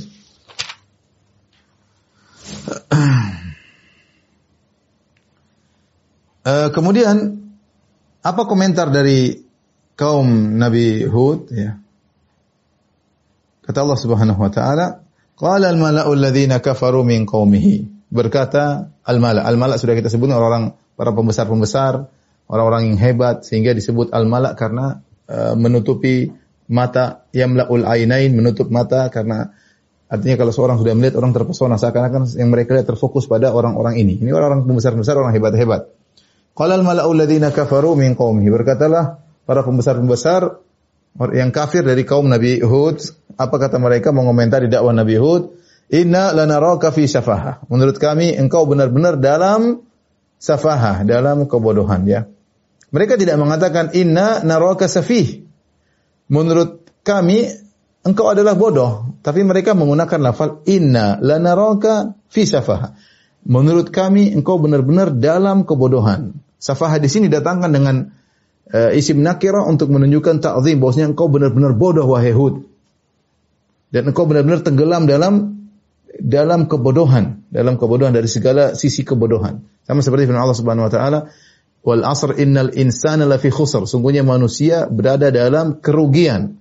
Dia berada tenggelam dalam kerugian. Seakan-akan kerugian meliputi dia dari segala arah. Sama seperti ini. Inna lanaraka fi safaha. Kami sungguh-sungguh benar-benar. Di sini dia menggunakan, mereka menggunakan uh, taukid ya. Inna dengan nun taukid, lamu taukid. Inna lanaraka. Kami sungguh-sungguh benar-benar melihat engkau fi safaha. Tenggelam dalam kebodohan. Engkau bodoh banget wahai uh, Hud terbelenggu dalam kebodohan dari sisi segala sisi. Ya, dan uh, safah di sini dalam dengan nakir untuk ta'zim itu kebodohan yang besar. Wa inna lanadhunnuka minal kadhibin. Bukan cuma itu dan kami menurut kami engkau termasuk dari para pendusta ya. Di mana ya di mana engkau mengaku engkau adalah utusan Tuhan. Engkau uh, mengaku adalah utusan Tuhan. Jadi mereka mengejek uh, Nabi Hud, mengingkari kerasulan Nabi Hud dan mereka mengatakan Nabi Hud bodoh ya. Eh, bodoh, ya benar-benar kebodohan tertanam dalam dirinya, dia tenggelam dalam terjebak dengan kebodohan yang meliputinya, ya seakan-akan kebodohan sudah terpatri dalam otak Nabi Hud alaihissalam, dalam diri Nabi Hud alaihissalam. Dan selain itu mereka mengatakan engkau adalah uh, pendusta ya. Engkau adalah pendusta. Apa kata Nabi Hud alaihissalam? Qala ya qaumi laisa bi safaha. Dia tidak mengatakan uh, dia membalas perkataan mereka dengan ungkapan-ungkapan yang baik. Dia mengatakan ya qaumi wahai kaumku ya. Saya termasuk kaum kalian. Dan dia manggil dengan kata-kata baik wahai kaumku. Dia tidak mengatakan wahai orang-orang sesat, wahai orang-orang kafir. Enggak. Mereka kafir jelas, ya. Tapi Nabi Hud menggunakan kata-kata yang uh, baik agar mereka sadar, ya. Agar mereka uh, mereka sadar ya. Uh, ya qaumi ya. Laisa bisafahatun. Ya makanya saya bilang kalau kita berdakwah bukan bukan bukan yang penting bagi kita memfonis-fonis ini kamu kafir kamu kafir kita ingin bagaimana orang yang kalaupun terjerumus dalam kekufuran bisa terlepas dari kekufuran agar bagaimana bisa berjalan di atas Islam yang benar. Kita tegur dengan kata-kata yang baik, kita panggil dengan panggilan-panggilan yang baik. Sebagaimana Nabi Hud manggil kaumnya padahal mereka jelas-jelas kafir. Kata Nabi Hud, "Ya qaumi wahai kaumku, laisa bi safahah, tidak ada kebodohan sama sekali pada diriku." Ya. Uh, tidak ada kebodohan sedikit pun, apalagi kebodohan yang terpatri. Kebodohan sedikit pun nggak ada. Apalagi terpatri dalam dalam diriku. Walakinni rasulun min rabbil alamin. Ya, akan tapi aku adalah utusan dari Rabbul Alamin. Aku ini bukan pendusta. Aku benar-benar utusan dari penguasa alam semesta ini. Ya, lihat di sini Nabi Hud ada faedah yang bisa kita ambil. Lihat Nabi Hud alaihissalam tidak membalas uh, makian mereka, cercaan mereka dengan cercaan balasan ya. Padahal kita tahu bahwasanya kaum Nabi Hud adalah lebih bodoh, paling bodoh.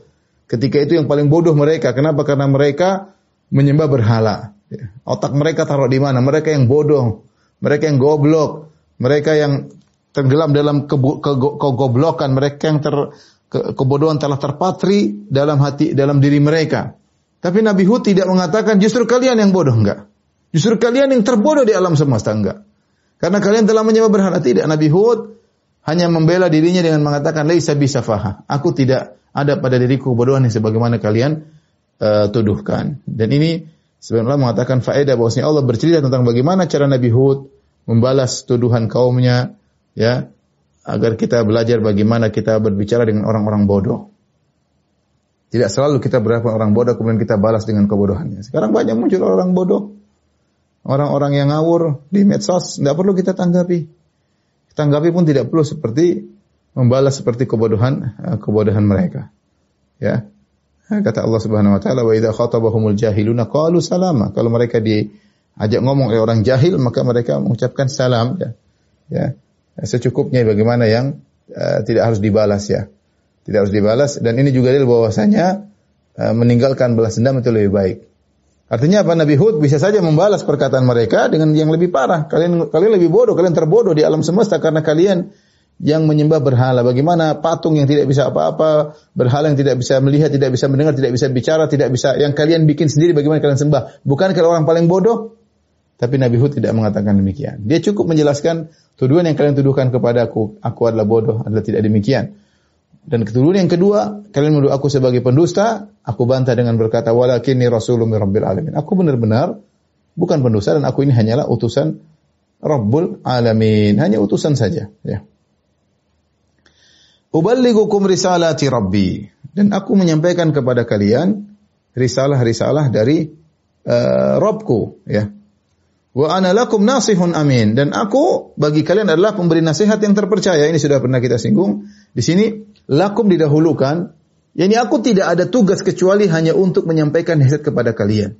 Aku tidak menasihati yang lain dan aku tidak ada kerjaan lain. Saya tidak sedang mencari duit dari kalian. Saya sedang sedang tidak bisnis dengan kalian. Tugas aku, tugasku yang Allah kirim ke, utus aku kepada kalian adalah nasihun amin. Aku menjadi penasehat yang amin yang terpercaya bagi kalian. Di sini eh, apa namanya uh, selain nasihat uh, sudah kita jelaskan nasihat pada pertemuan lalu ketika membahas tentang Nabi Nuh alaihissalam. Amin ada kalimat amin terpercaya. Aku ini terpercaya. Ya. Allah mengutusku dan aku terpercaya. Aku membawa risalah dari Allah Subhanahu wa taala karena mereka menuduh uh, Nabi Hud berdusta. Mereka menuduh Nabi Hud berdusta. Ini dalil bahwasanya boleh seorang memuji dirinya kalau dalam kondisi perlu ya. dituduh macam-macam, dia boleh muji. Saya tidak demikian, saya begini, begini, begini. Saya hanyalah begini, begini. Boleh. Asalnya seorang tidak muji diri. Ya.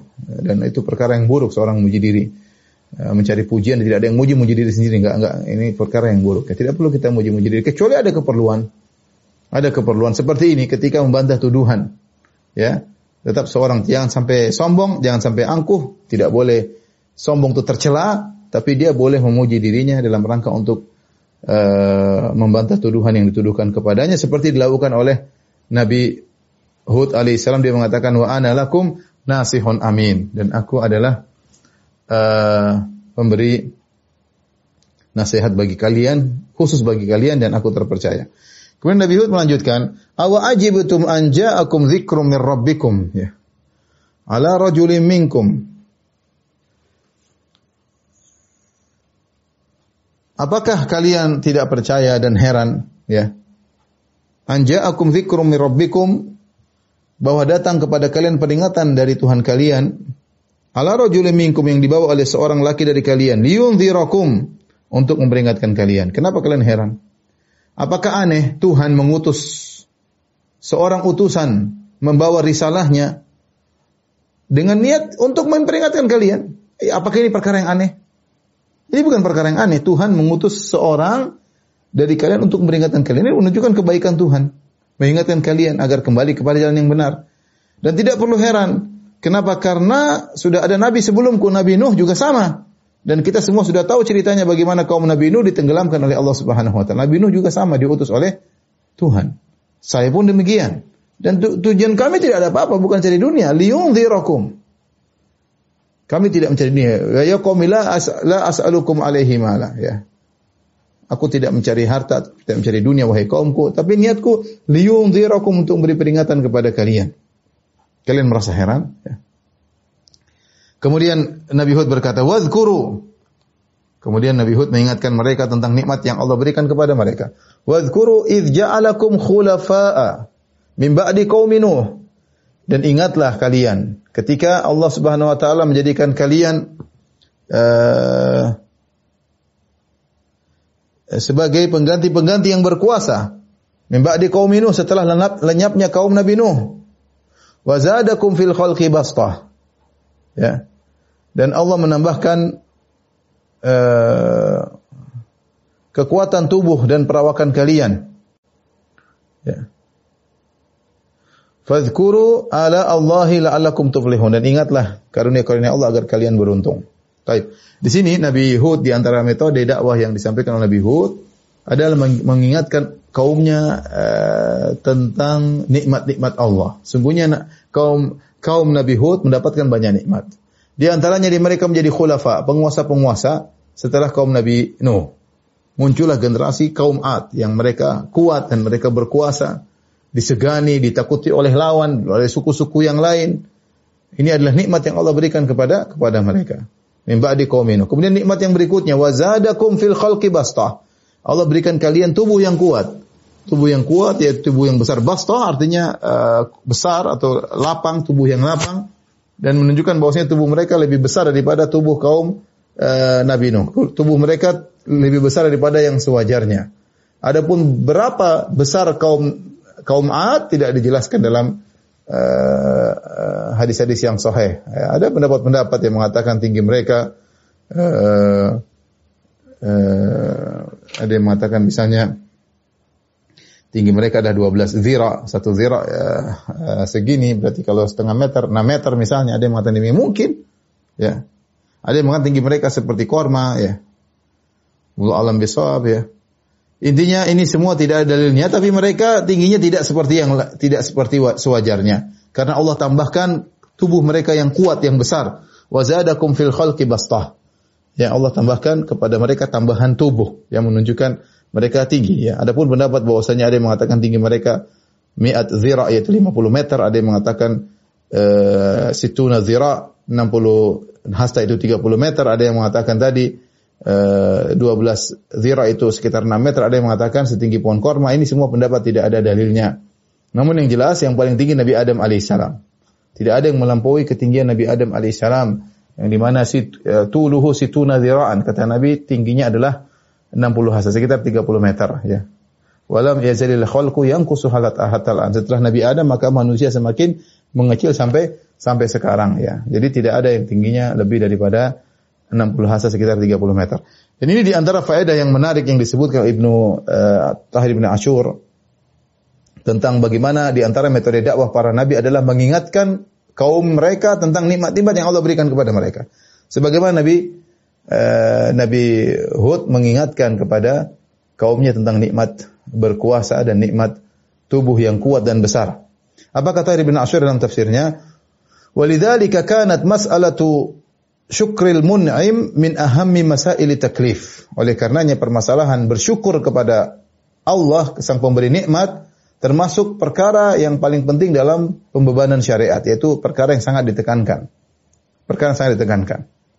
Hal ini ditunjukkan bahwasanya dalam Al-Qur'an banyak sekali ayat-ayat mengingatkan kita untuk ingat tentang nikmat-nikmat Allah Subhanahu wa taala banyak sekali. Contohnya dalam surat Ar-Rahman Allah mengulang-ulangi fabi ayyi ala'i rabbikum tukadziban. Ya, Allah sebutkan nikmat, ya. Ar-Rahman 'allamal Qur'an, khalaqal insan, 'allamahul bayan. Ini semua nikmat, ya. Ar-Rahman yang telah mengajarkan Al-Quran, yang menciptakan manusia dan memberikan dia bagaimana bisa menjelaskan ya, dan seterusnya Allah sebutkan sampai Allah mengatakan fabi ayyi ala'i rabbikum tukadziban. Mana maka nikmat Rabbmu, Rabbmu yang mana mau kalian dustakan lagi. Ya. Dan banyak ya. Seperti Allah Subhanahu wa taala menyebut dalam ayat secara umum ya, wa atakum min kulli ma sa'altumuh. Dan Allah berikan kepada kalian apa yang kalian minta ya bahkan dalam sebagian qiraah wa atakum min kullin ma sa'altumu ya dengan mentanwin kullin wa atakum min kullin ma Allah memberikan kalian uh, banyak kenikmatan yang tidak kalian minta ya. Jadi Allah berikan kepada kita nikmat yang kita minta dan Allah memberikan kepada kita nikmat yang tidak tidak kita minta. Perhatikan di sini ketika Allah memberikan kita nikmat yang tidak kita minta Allah berikan berarti Allah tahu tentang keperluan kita Allah tahu tentang keperluan kita, Allah berikan nikmat. Yang tidak kita minta, banyak nikmat kita tidak minta, Allah berikan. Nah, ketika kita minta Allah tidak berikan, ada yang Allah berikan, ada yang Allah tidak berikan, ada yang Allah kabulkan, ada yang tidak Allah kabulkan. Berarti ketika dikabulkan berarti memang itu baik buat kita. Ketika tidak dikabulkan kita husnuzan, bahwasanya itu tidak pas bagi kita di saat itu. Buktinya apa? Allah telah memberikan kita banyak kenikmatan yang tidak kita minta, banyak. Ya. Allah sebutkan. Kemudian setelah itu Allah mengatakan wa in ta'uddu ni'matallahi la tuhsuha. Jika kalian menghitung-hitung nikmat Allah, kalian tidak akan bisa menghitungnya. Innal insana la zalumun kafar. Tapi manusia suka berbuat zalim dan ingkar kepada Allah Subhanahu wa taala. Ingkar atas nikmat Allah Subhanahu wa taala. Di sini Allah sebutkan tentang nikmat yang begitu banyak. Demikian juga dalam surat An-Nahl yang sebenarnya lama mengatakan itu adalah surat An-Ni'am, ya. Allah mengatakan ata amrullah fala tastajilu subhanahu wa ta'ala amma yusyrikun. Yunazzilul malaikata birruhi min amri ala man yasha'u min ibadi an anziru annahu la ilaha illa ana fattaqun. Khalaqas samawati wal arda bil haqqi ta'ala amma yusyrikun. Khalaqal insana min nutfatin fa idza huwa khasimun bim. Wal an'ama khalaqa lakum fiha dif'un wa manafi'u wa minha ta'kulun. ولكم فيها جمال حين ترهنون وحين تصرحون وتحمل أثقالكم إلى بلد لم تكونوا بالغه إلا بشق الأنفس إن ربكم لرؤوف رحيم wal khayla wal bighala wal hamira litarkab. Allah sebutkan nikmat. Allah sebutkan nikmat pertama Allah memberi mengutus para rasul. Melalui para malaikat Allah memilih hamba-hamba yang Allah eh, pilih untuk menjadi para rasul untuk mengingatkan tentang tauhid. An anziru annahu la ilaha illa ana fattaqun. Untuk peringatkan kepada manusia tidak ada yang berhak disembah kecuali Allah. Nikmat pertama Allah sebutkan nikmat tauhid dalam surat An-Nahl. Kemudian Allah sebutkan nikmat menciptakan langit dan bumi. Allah juga menyebutkan nikmat penciptaan manusia. Allah menyebutkan tentang penciptaan hewan-hewan. Ya, e, bagaimana ada keindahan pada hewan-hewan. Allah sebutkan juga bagaimana hewan-hewan tersebut mengangkat membantu manusia mengangkat barang-barang ke tempat yang jauh. Sehingga tidak ada onta, tidak ada himar sulit bagi manusia untuk mengangkat barang-barang pada zaman tersebut. Allah juga menyebut tentang bagaimana hewan-hewan yang ditunggangi wal khail wal bighal wal himar ya, uh, wal hamir litarkabuha. Ya, kemudian wa yakhluqu ma la ta'lamun dan Allah menciptakan yang lain yang kalian tidak ketahui. Allah menyebutkan tentang nikmat uh, hujan dan macam-macam Allah sebutkan tentang nikmat hujan. Allah bagaimana ma, ma, dalam surat An-Nahl ini Allah sebutkan bagaimana Allah mengatur matahari, mengatur uh, bintang, rembulan uh, dan seterusnya. Allah menyebutkan tentang nikmat laut. Bagaimana Allah mendudukkan laut sehingga bisa dilalui oleh kapal-kapal. Bagaimana bisa mengeluarkan makanan dari laut. Bagaimana juga bisa mengeluarkan misalnya mutiara dan yang lainnya. Terus Allah sebutkan ya tentang bintang-bintang bagaimana bisa memberi petunjuk. Uh, Kemudian Allah mengatakan, "Afama yakhluqu kama la yakhluqu afala tadhakkarun?" Apakah yang menciptakan sama dengan tidak menciptakan? Wa in ta'uddu ni'matallahi la tuhsuha. Kalau kalian menghitung-hitung nikmat Allah, sungguh kalian tidak akan bisa menghitungnya. Terlalu banyak nikmat Allah. Inna Allah la rahim. Kata Allah, namun Allah maha pengampun lagi maha penyayang. Artinya, banyak kalian tidak bisa mensyukuri nikmat-nikmat Allah. Jadi benar perkataan Tahir bin Asyur bahwasanya di antara uh, perkara yang difokuskan oleh syariat adalah mengingatkan manusia tentang nikmat-nikmat. Kenapa perlu diingatkan dalam banyak ayatnya? Seperti Allah mengatakan, "Wa asbagu alaikum ni'amahu dhahiratan wa batinah." Allah menyempurnakan nikmat bagi kalian nikmat yang zahir maupun nikmat yang uh, yang nampak maupun yang uh, tersembunyi dan wa ma bikum min ni'matin faminallah. Apa pun nikmat yang kalian rasakan dari Allah Subhanahu wa taala, Allah Al-Qur'an penuh dengan menyebutkan tentang nikmat-nikmat. Kenapa? Karena manusia banyak yang ingkar kepada atau lupa dengan Al-Mun'im, sang pemberi nikmat yaitu Allah Subhanahu wa taala ya. Ketika manusia lupa untuk lupa tentang nikmat-nikmat yang Allah berikan kepadanya, maka dia pun uh, takfurul mun'im, maka dia pun kufur kepada sang pemberi nikmat tersebut. Karenanya Ibnu Qayyim rahimahullah menyebutkan mengingat tentang nikmat inilah sebab seorang untuk meraih al-falah, meraih keberuntungan dan meraih saadah, meraih kebahagiaan. Allah sebutkan dalam ayat ini, ya, wadhkuru ala Allahi, ya. Uh, la'allakum tuflihun ya. Fadhkuru ala Allahi la'allakum tuflihun. Nabi Hud berkata kepada kepada kaumnya fadhkuru ala Allahi la'allakum tuflihun dan ingatlah kenikmatan-kenikmatan yang Allah berikan kepada kalian agar kalian beruntung. Dan benar, orang yang ya selalu mengingat nikmat Allah Subhanahu wa taala dia akan menjadi orang yang pandai bersyukur. Dia akan menjadi orang yang taat karena dia tahu saya harus taat terlalu banyak nikmat yang Allah berikan kepada saya.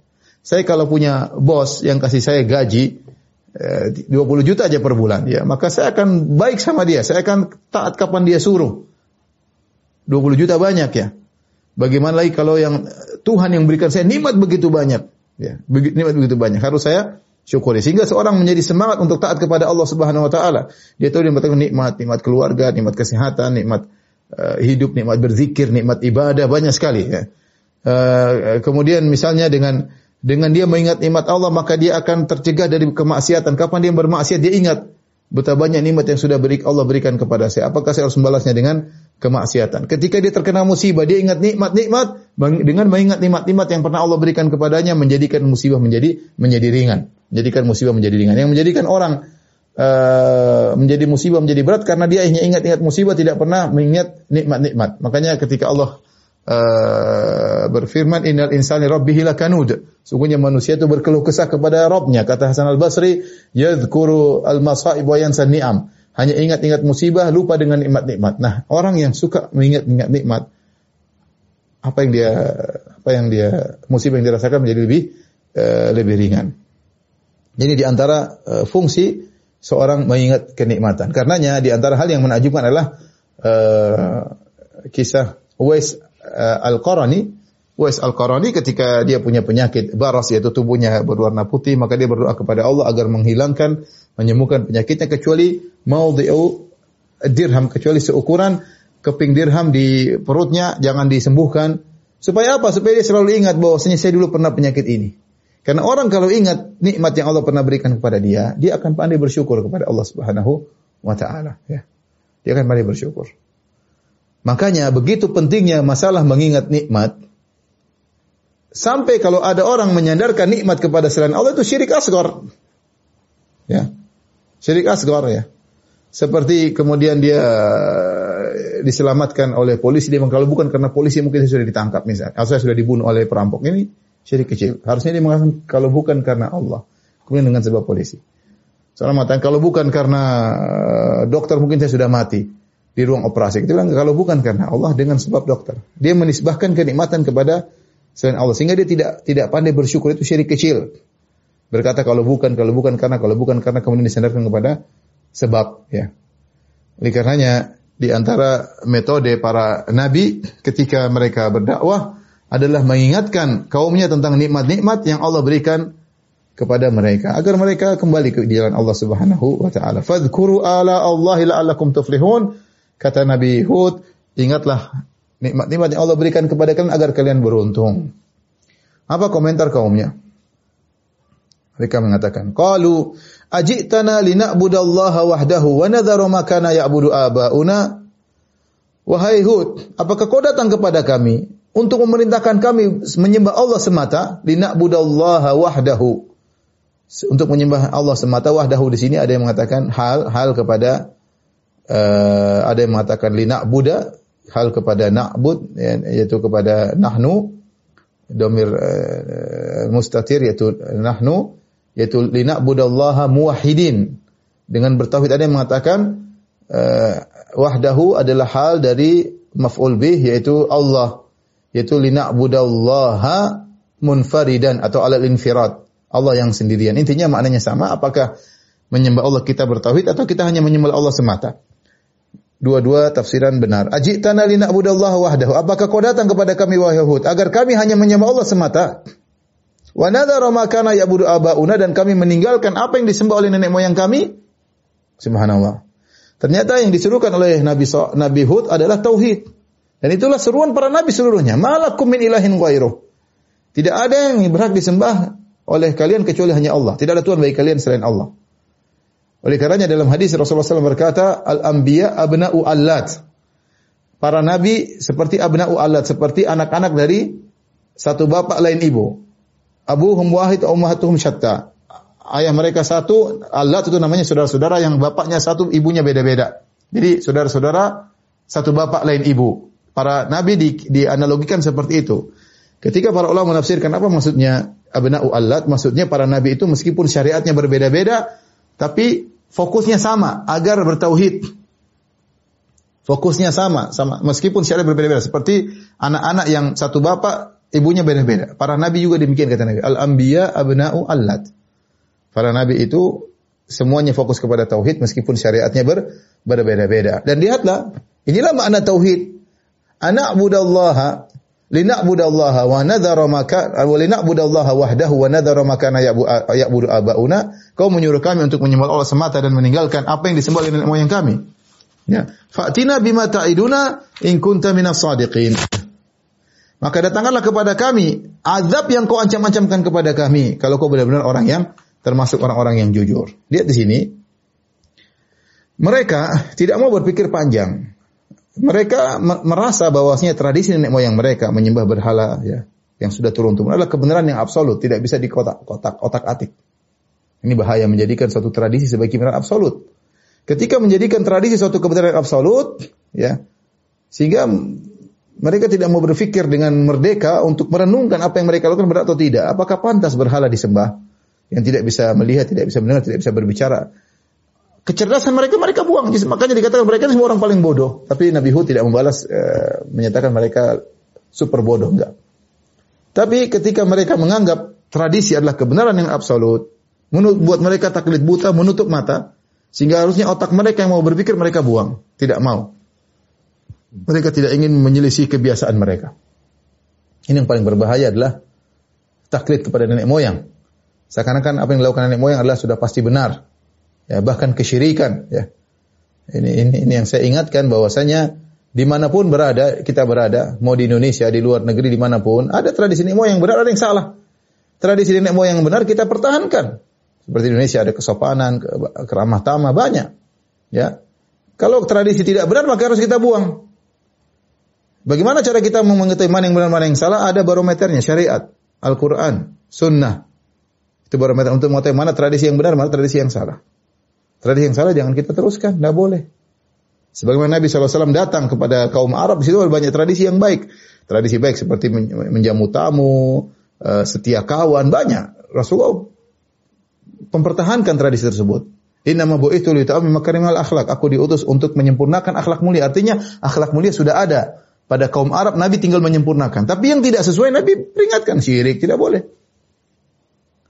Jadi tradisi ditimbang dengan Al-Quran dan Sunnah, bukan sebaliknya. Perhatikan ikhwan. Bukan Al-Quran dan Sunnah ditimbang dengan tradisi. Oh ini nggak cocok. Tidak cocok dengan tradisi kita, maka buang. Ini hadis nggak cocok dengan tradisi kita. Ini ayat tidak cocok dengan tradisi kita. Kita pingin Islam kita yang cocok dengan tradisi kita. Ini nggak benar seperti ini. Seharusnya tradisi yang difilter dengan Al-Quran dan Sunnah. Bukan Al-Quran dan Sunnah mau difilter dengan tradisi. Lihat bagaimana kaum Hud, kaum Ad, mereka menjadikan kebiasaan nenek moyang mereka seakan-akan kebenaran yang absolut sehingga mereka mengatakan ya bagaimana kami men- mentauhidkan Allah dan kami meninggalkan apa yang telah disembah nenek moyang kami. Dan mereka berkata, "Fa'tina bima ta'iduna." Kalau begitu wahai Hud, datangkan adab yang kau janjikan kepada kami, adab yang kau janjikan kepada kami kalau kau benar-benar orang yang jujur. Kata para ulama ini sebenarnya mereka lari dari perdebatan. Mereka kata kalau berdebat mereka kalah. Gimana mau berdebat membela Tuhan yang berhala tidak bisa di- melihat tidak bisa bicara? Bagaimana mau dibela? Tapi karena mereka sudah malas, mereka tahu bakalan kalah dalam perdebatan dengan Nabi Hud, sudah mereka mengatakan sudah Hud, nggak usah banyak omong. Ya, ya. Dalam ayat ini mereka mengatakan wa ma nahnu bitariki alihatina an qaulik wa ma nahnu laka. Mereka mengatakan ma yahudu ma ji'tana wa ma nahnu bitariki alihatina an qaulik wa ma nahnu laka bimu'minin. Kata mereka wahai Hud kau tidak punya dalil dan kami tidak akan meninggalkan sembahan-sembahan kami ya. Dan kami tidak akan beriman dengan engkau. Mereka sampai mengatakan demikian, tidak tidak mau debat. Makanya mereka langsung mengatakan ya sudah supaya lari dari perdebatan ya sudah kau bilang akan ada azab sini azabnya turunkan aja. Nggak mau debat mereka karena mereka tahu nggak bisa berdebat, tidak bisa melawan kebenaran. Apa yang mereka miliki kebatilan tapi untuk menghindari menghindari dari perdebatan mereka mengatakan itu azab suruh turunkan sini. Yang azab yang kau janjikan kepada kami. Bahkan mereka mengatakan in kunta minas kalau kau benar-benar jujur turunkan azab. Akhirnya Nabi Hud berkata, "Qala qad waqa 'alaikum rijsum min rabbikum wa ghadab." Kata Nabi Hud, sungguh sudah pasti kamu akan ditimpa adab dan kemarahan dari Tuhanmu. Ya. Akan datang rijis, rijis artinya adab, ghadab artinya eh, kemarahan. Atujadilunani fi asma'in sammaitumuha antum wa aba'ukum. Nabi Hud tetap mendebat mereka. Apa kalian semua hendak berbantah denganku tentang nama-nama berhala yang itu kalian namakan antum wa aba'ukum kalian nenek moyang kalian menamakan berhala-berhala tersebut sebagai tuhan-tuhan. Ya. Yang itu sama sekali mana zalallahu biha min sultan. Mana zalallahu biha min sultan sama sekali tidak ada dari Allah Subhanahu wa taala. Itu hanya berhala kalian pahat, kalian namakan Tuhan, kalian namakan ini, kalian sembahan. Padahal tidak ada dalilnya sama sama sekali. Ya. Kalian mau debat, bagaimana kalian mau berdebat dengan aku? Membela berhala-berhala itu berhala kosong batu yang kalian jadi-jadikan sebagai Tuhan. Ya, tidak mungkin. Tidak ada dalilnya sama sama sekali. Dan ini uh, sebagian ulama mengatakan lihatlah bahwasanya ini disebutkan oleh uh, uh, dalam tafsir Al-Manar ya. ya. Uh, disebutkan bagaimana bahwasanya dalil untuk beribadah kepada Allah kita harus tahu penjelasan dari Allah Subhanahu wa taala melalui para rasulnya. Karena Nabi Hud berkata, "Ma nazzalallahu biha min sultan." Tidak ada dalilnya dari Allah Subhanahu wa taala. Maka kita kalau mau tahu ini ibadah atau bukan, harus tahu ada dalilnya. Ini akidah atau bukan, harus tahu ada dalilnya. Ya. Kita pakai akal sendiri susah, nggak bisa. Ya, maka Nabi Hud mengatakan kalau mau tahu itu benar atau tidak, ma nazzalallahu biha min sultan. Harus ada dalil dari Allah Subhanahu wa taala. Karena sekarang banyak akidah tersebar, banyak ibadah tersebar. Kalau nggak ada dalilnya nggak usah diikuti. Kita tidak bebas berakidah, kita tidak bebas beribadah. Akidah dan ibadah kita diatur oleh Al-Qur'an dan dan sunnah ya. Uh, Al-Qur'an dan uh, dan sunnah.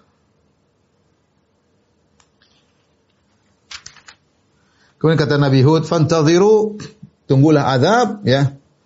Inni ma aku minal muntazirin. Aku juga menunggu. Ya. Kalian tunggu azab. Dan aku benar-benar juga menunggu dengan penuh keyakinan azab tersebut akan akan datang. Lantas Allah berfirman, akhirnya azab tersebut akan datang kemudian menimpa mereka sebagaimana Allah sebut dalam surat-surat yang lain. Insyaallah pada saatnya kita akan jelaskan. Kata Allah Subhanahu wa taala, "Fa anjaynahu walladzina ma'ahu bi rahmatin minna." Kami pun selamatkan Hud dan orang-orang yang bersamanya dengan rahmat kami. Di sini rahmatin nakirah ya. Tanwin untuk azimah ditafsirkan dengan rahmatin azimah. Rahmat yang besar bagaimana Allah menyelamatkan mereka dari adab yang pedih. Rahmat dari kami, bukan rahmat dari semua rahmat dari kami, kasih sayang dari kami. Ya, fa anjaynahu waladina ma'ahu. Kami selamatkan Hud dan orang-orang yang bersamanya. Wa qata'na dabira kadzdzabu ayatina. Dan kami tumpas ya orang-orang yang mendustakan ayat-ayat kami. Wa makanu mu'minin dan mereka orang-orang yang tidak beriman. Perhatikan di sini. Seharusnya kalau kita bicara tentang uh, urutan, seharusnya seharusnya sebagian ahli tafsir mengatakan seharusnya secara urutan uh, dikatakan kami pun mengadab menurunkan azab kepada kaum Ad maka kami pun selamatkan Hud dan para pengikutnya. Karena namanya selamat, selamat dari adab. Ada adab turun baru diselamatkan. Kan begitu secara logikanya. Adab turun baru diselamatkan. Tapi di sini Allah mendahulukan kami selamatkan padahal adab belum turun. Padahal aturannya adab turun kemudian diselamatkanlah uh, Nabi Hud dan kaumnya. Tapi Allah mendahulukan penyebutan penyelamatan uh, sebagai bentuk bahwasanya yang penting Hud dan uh, rahmat bahwasanya Allah menjelaskan bahwasanya Hud dan para pengikutnya selamat. Baru kemudian Allah jelaskan tentang bagaimana yang menimpa kaum Hud. Allah mengatakan wa qata'na dabir.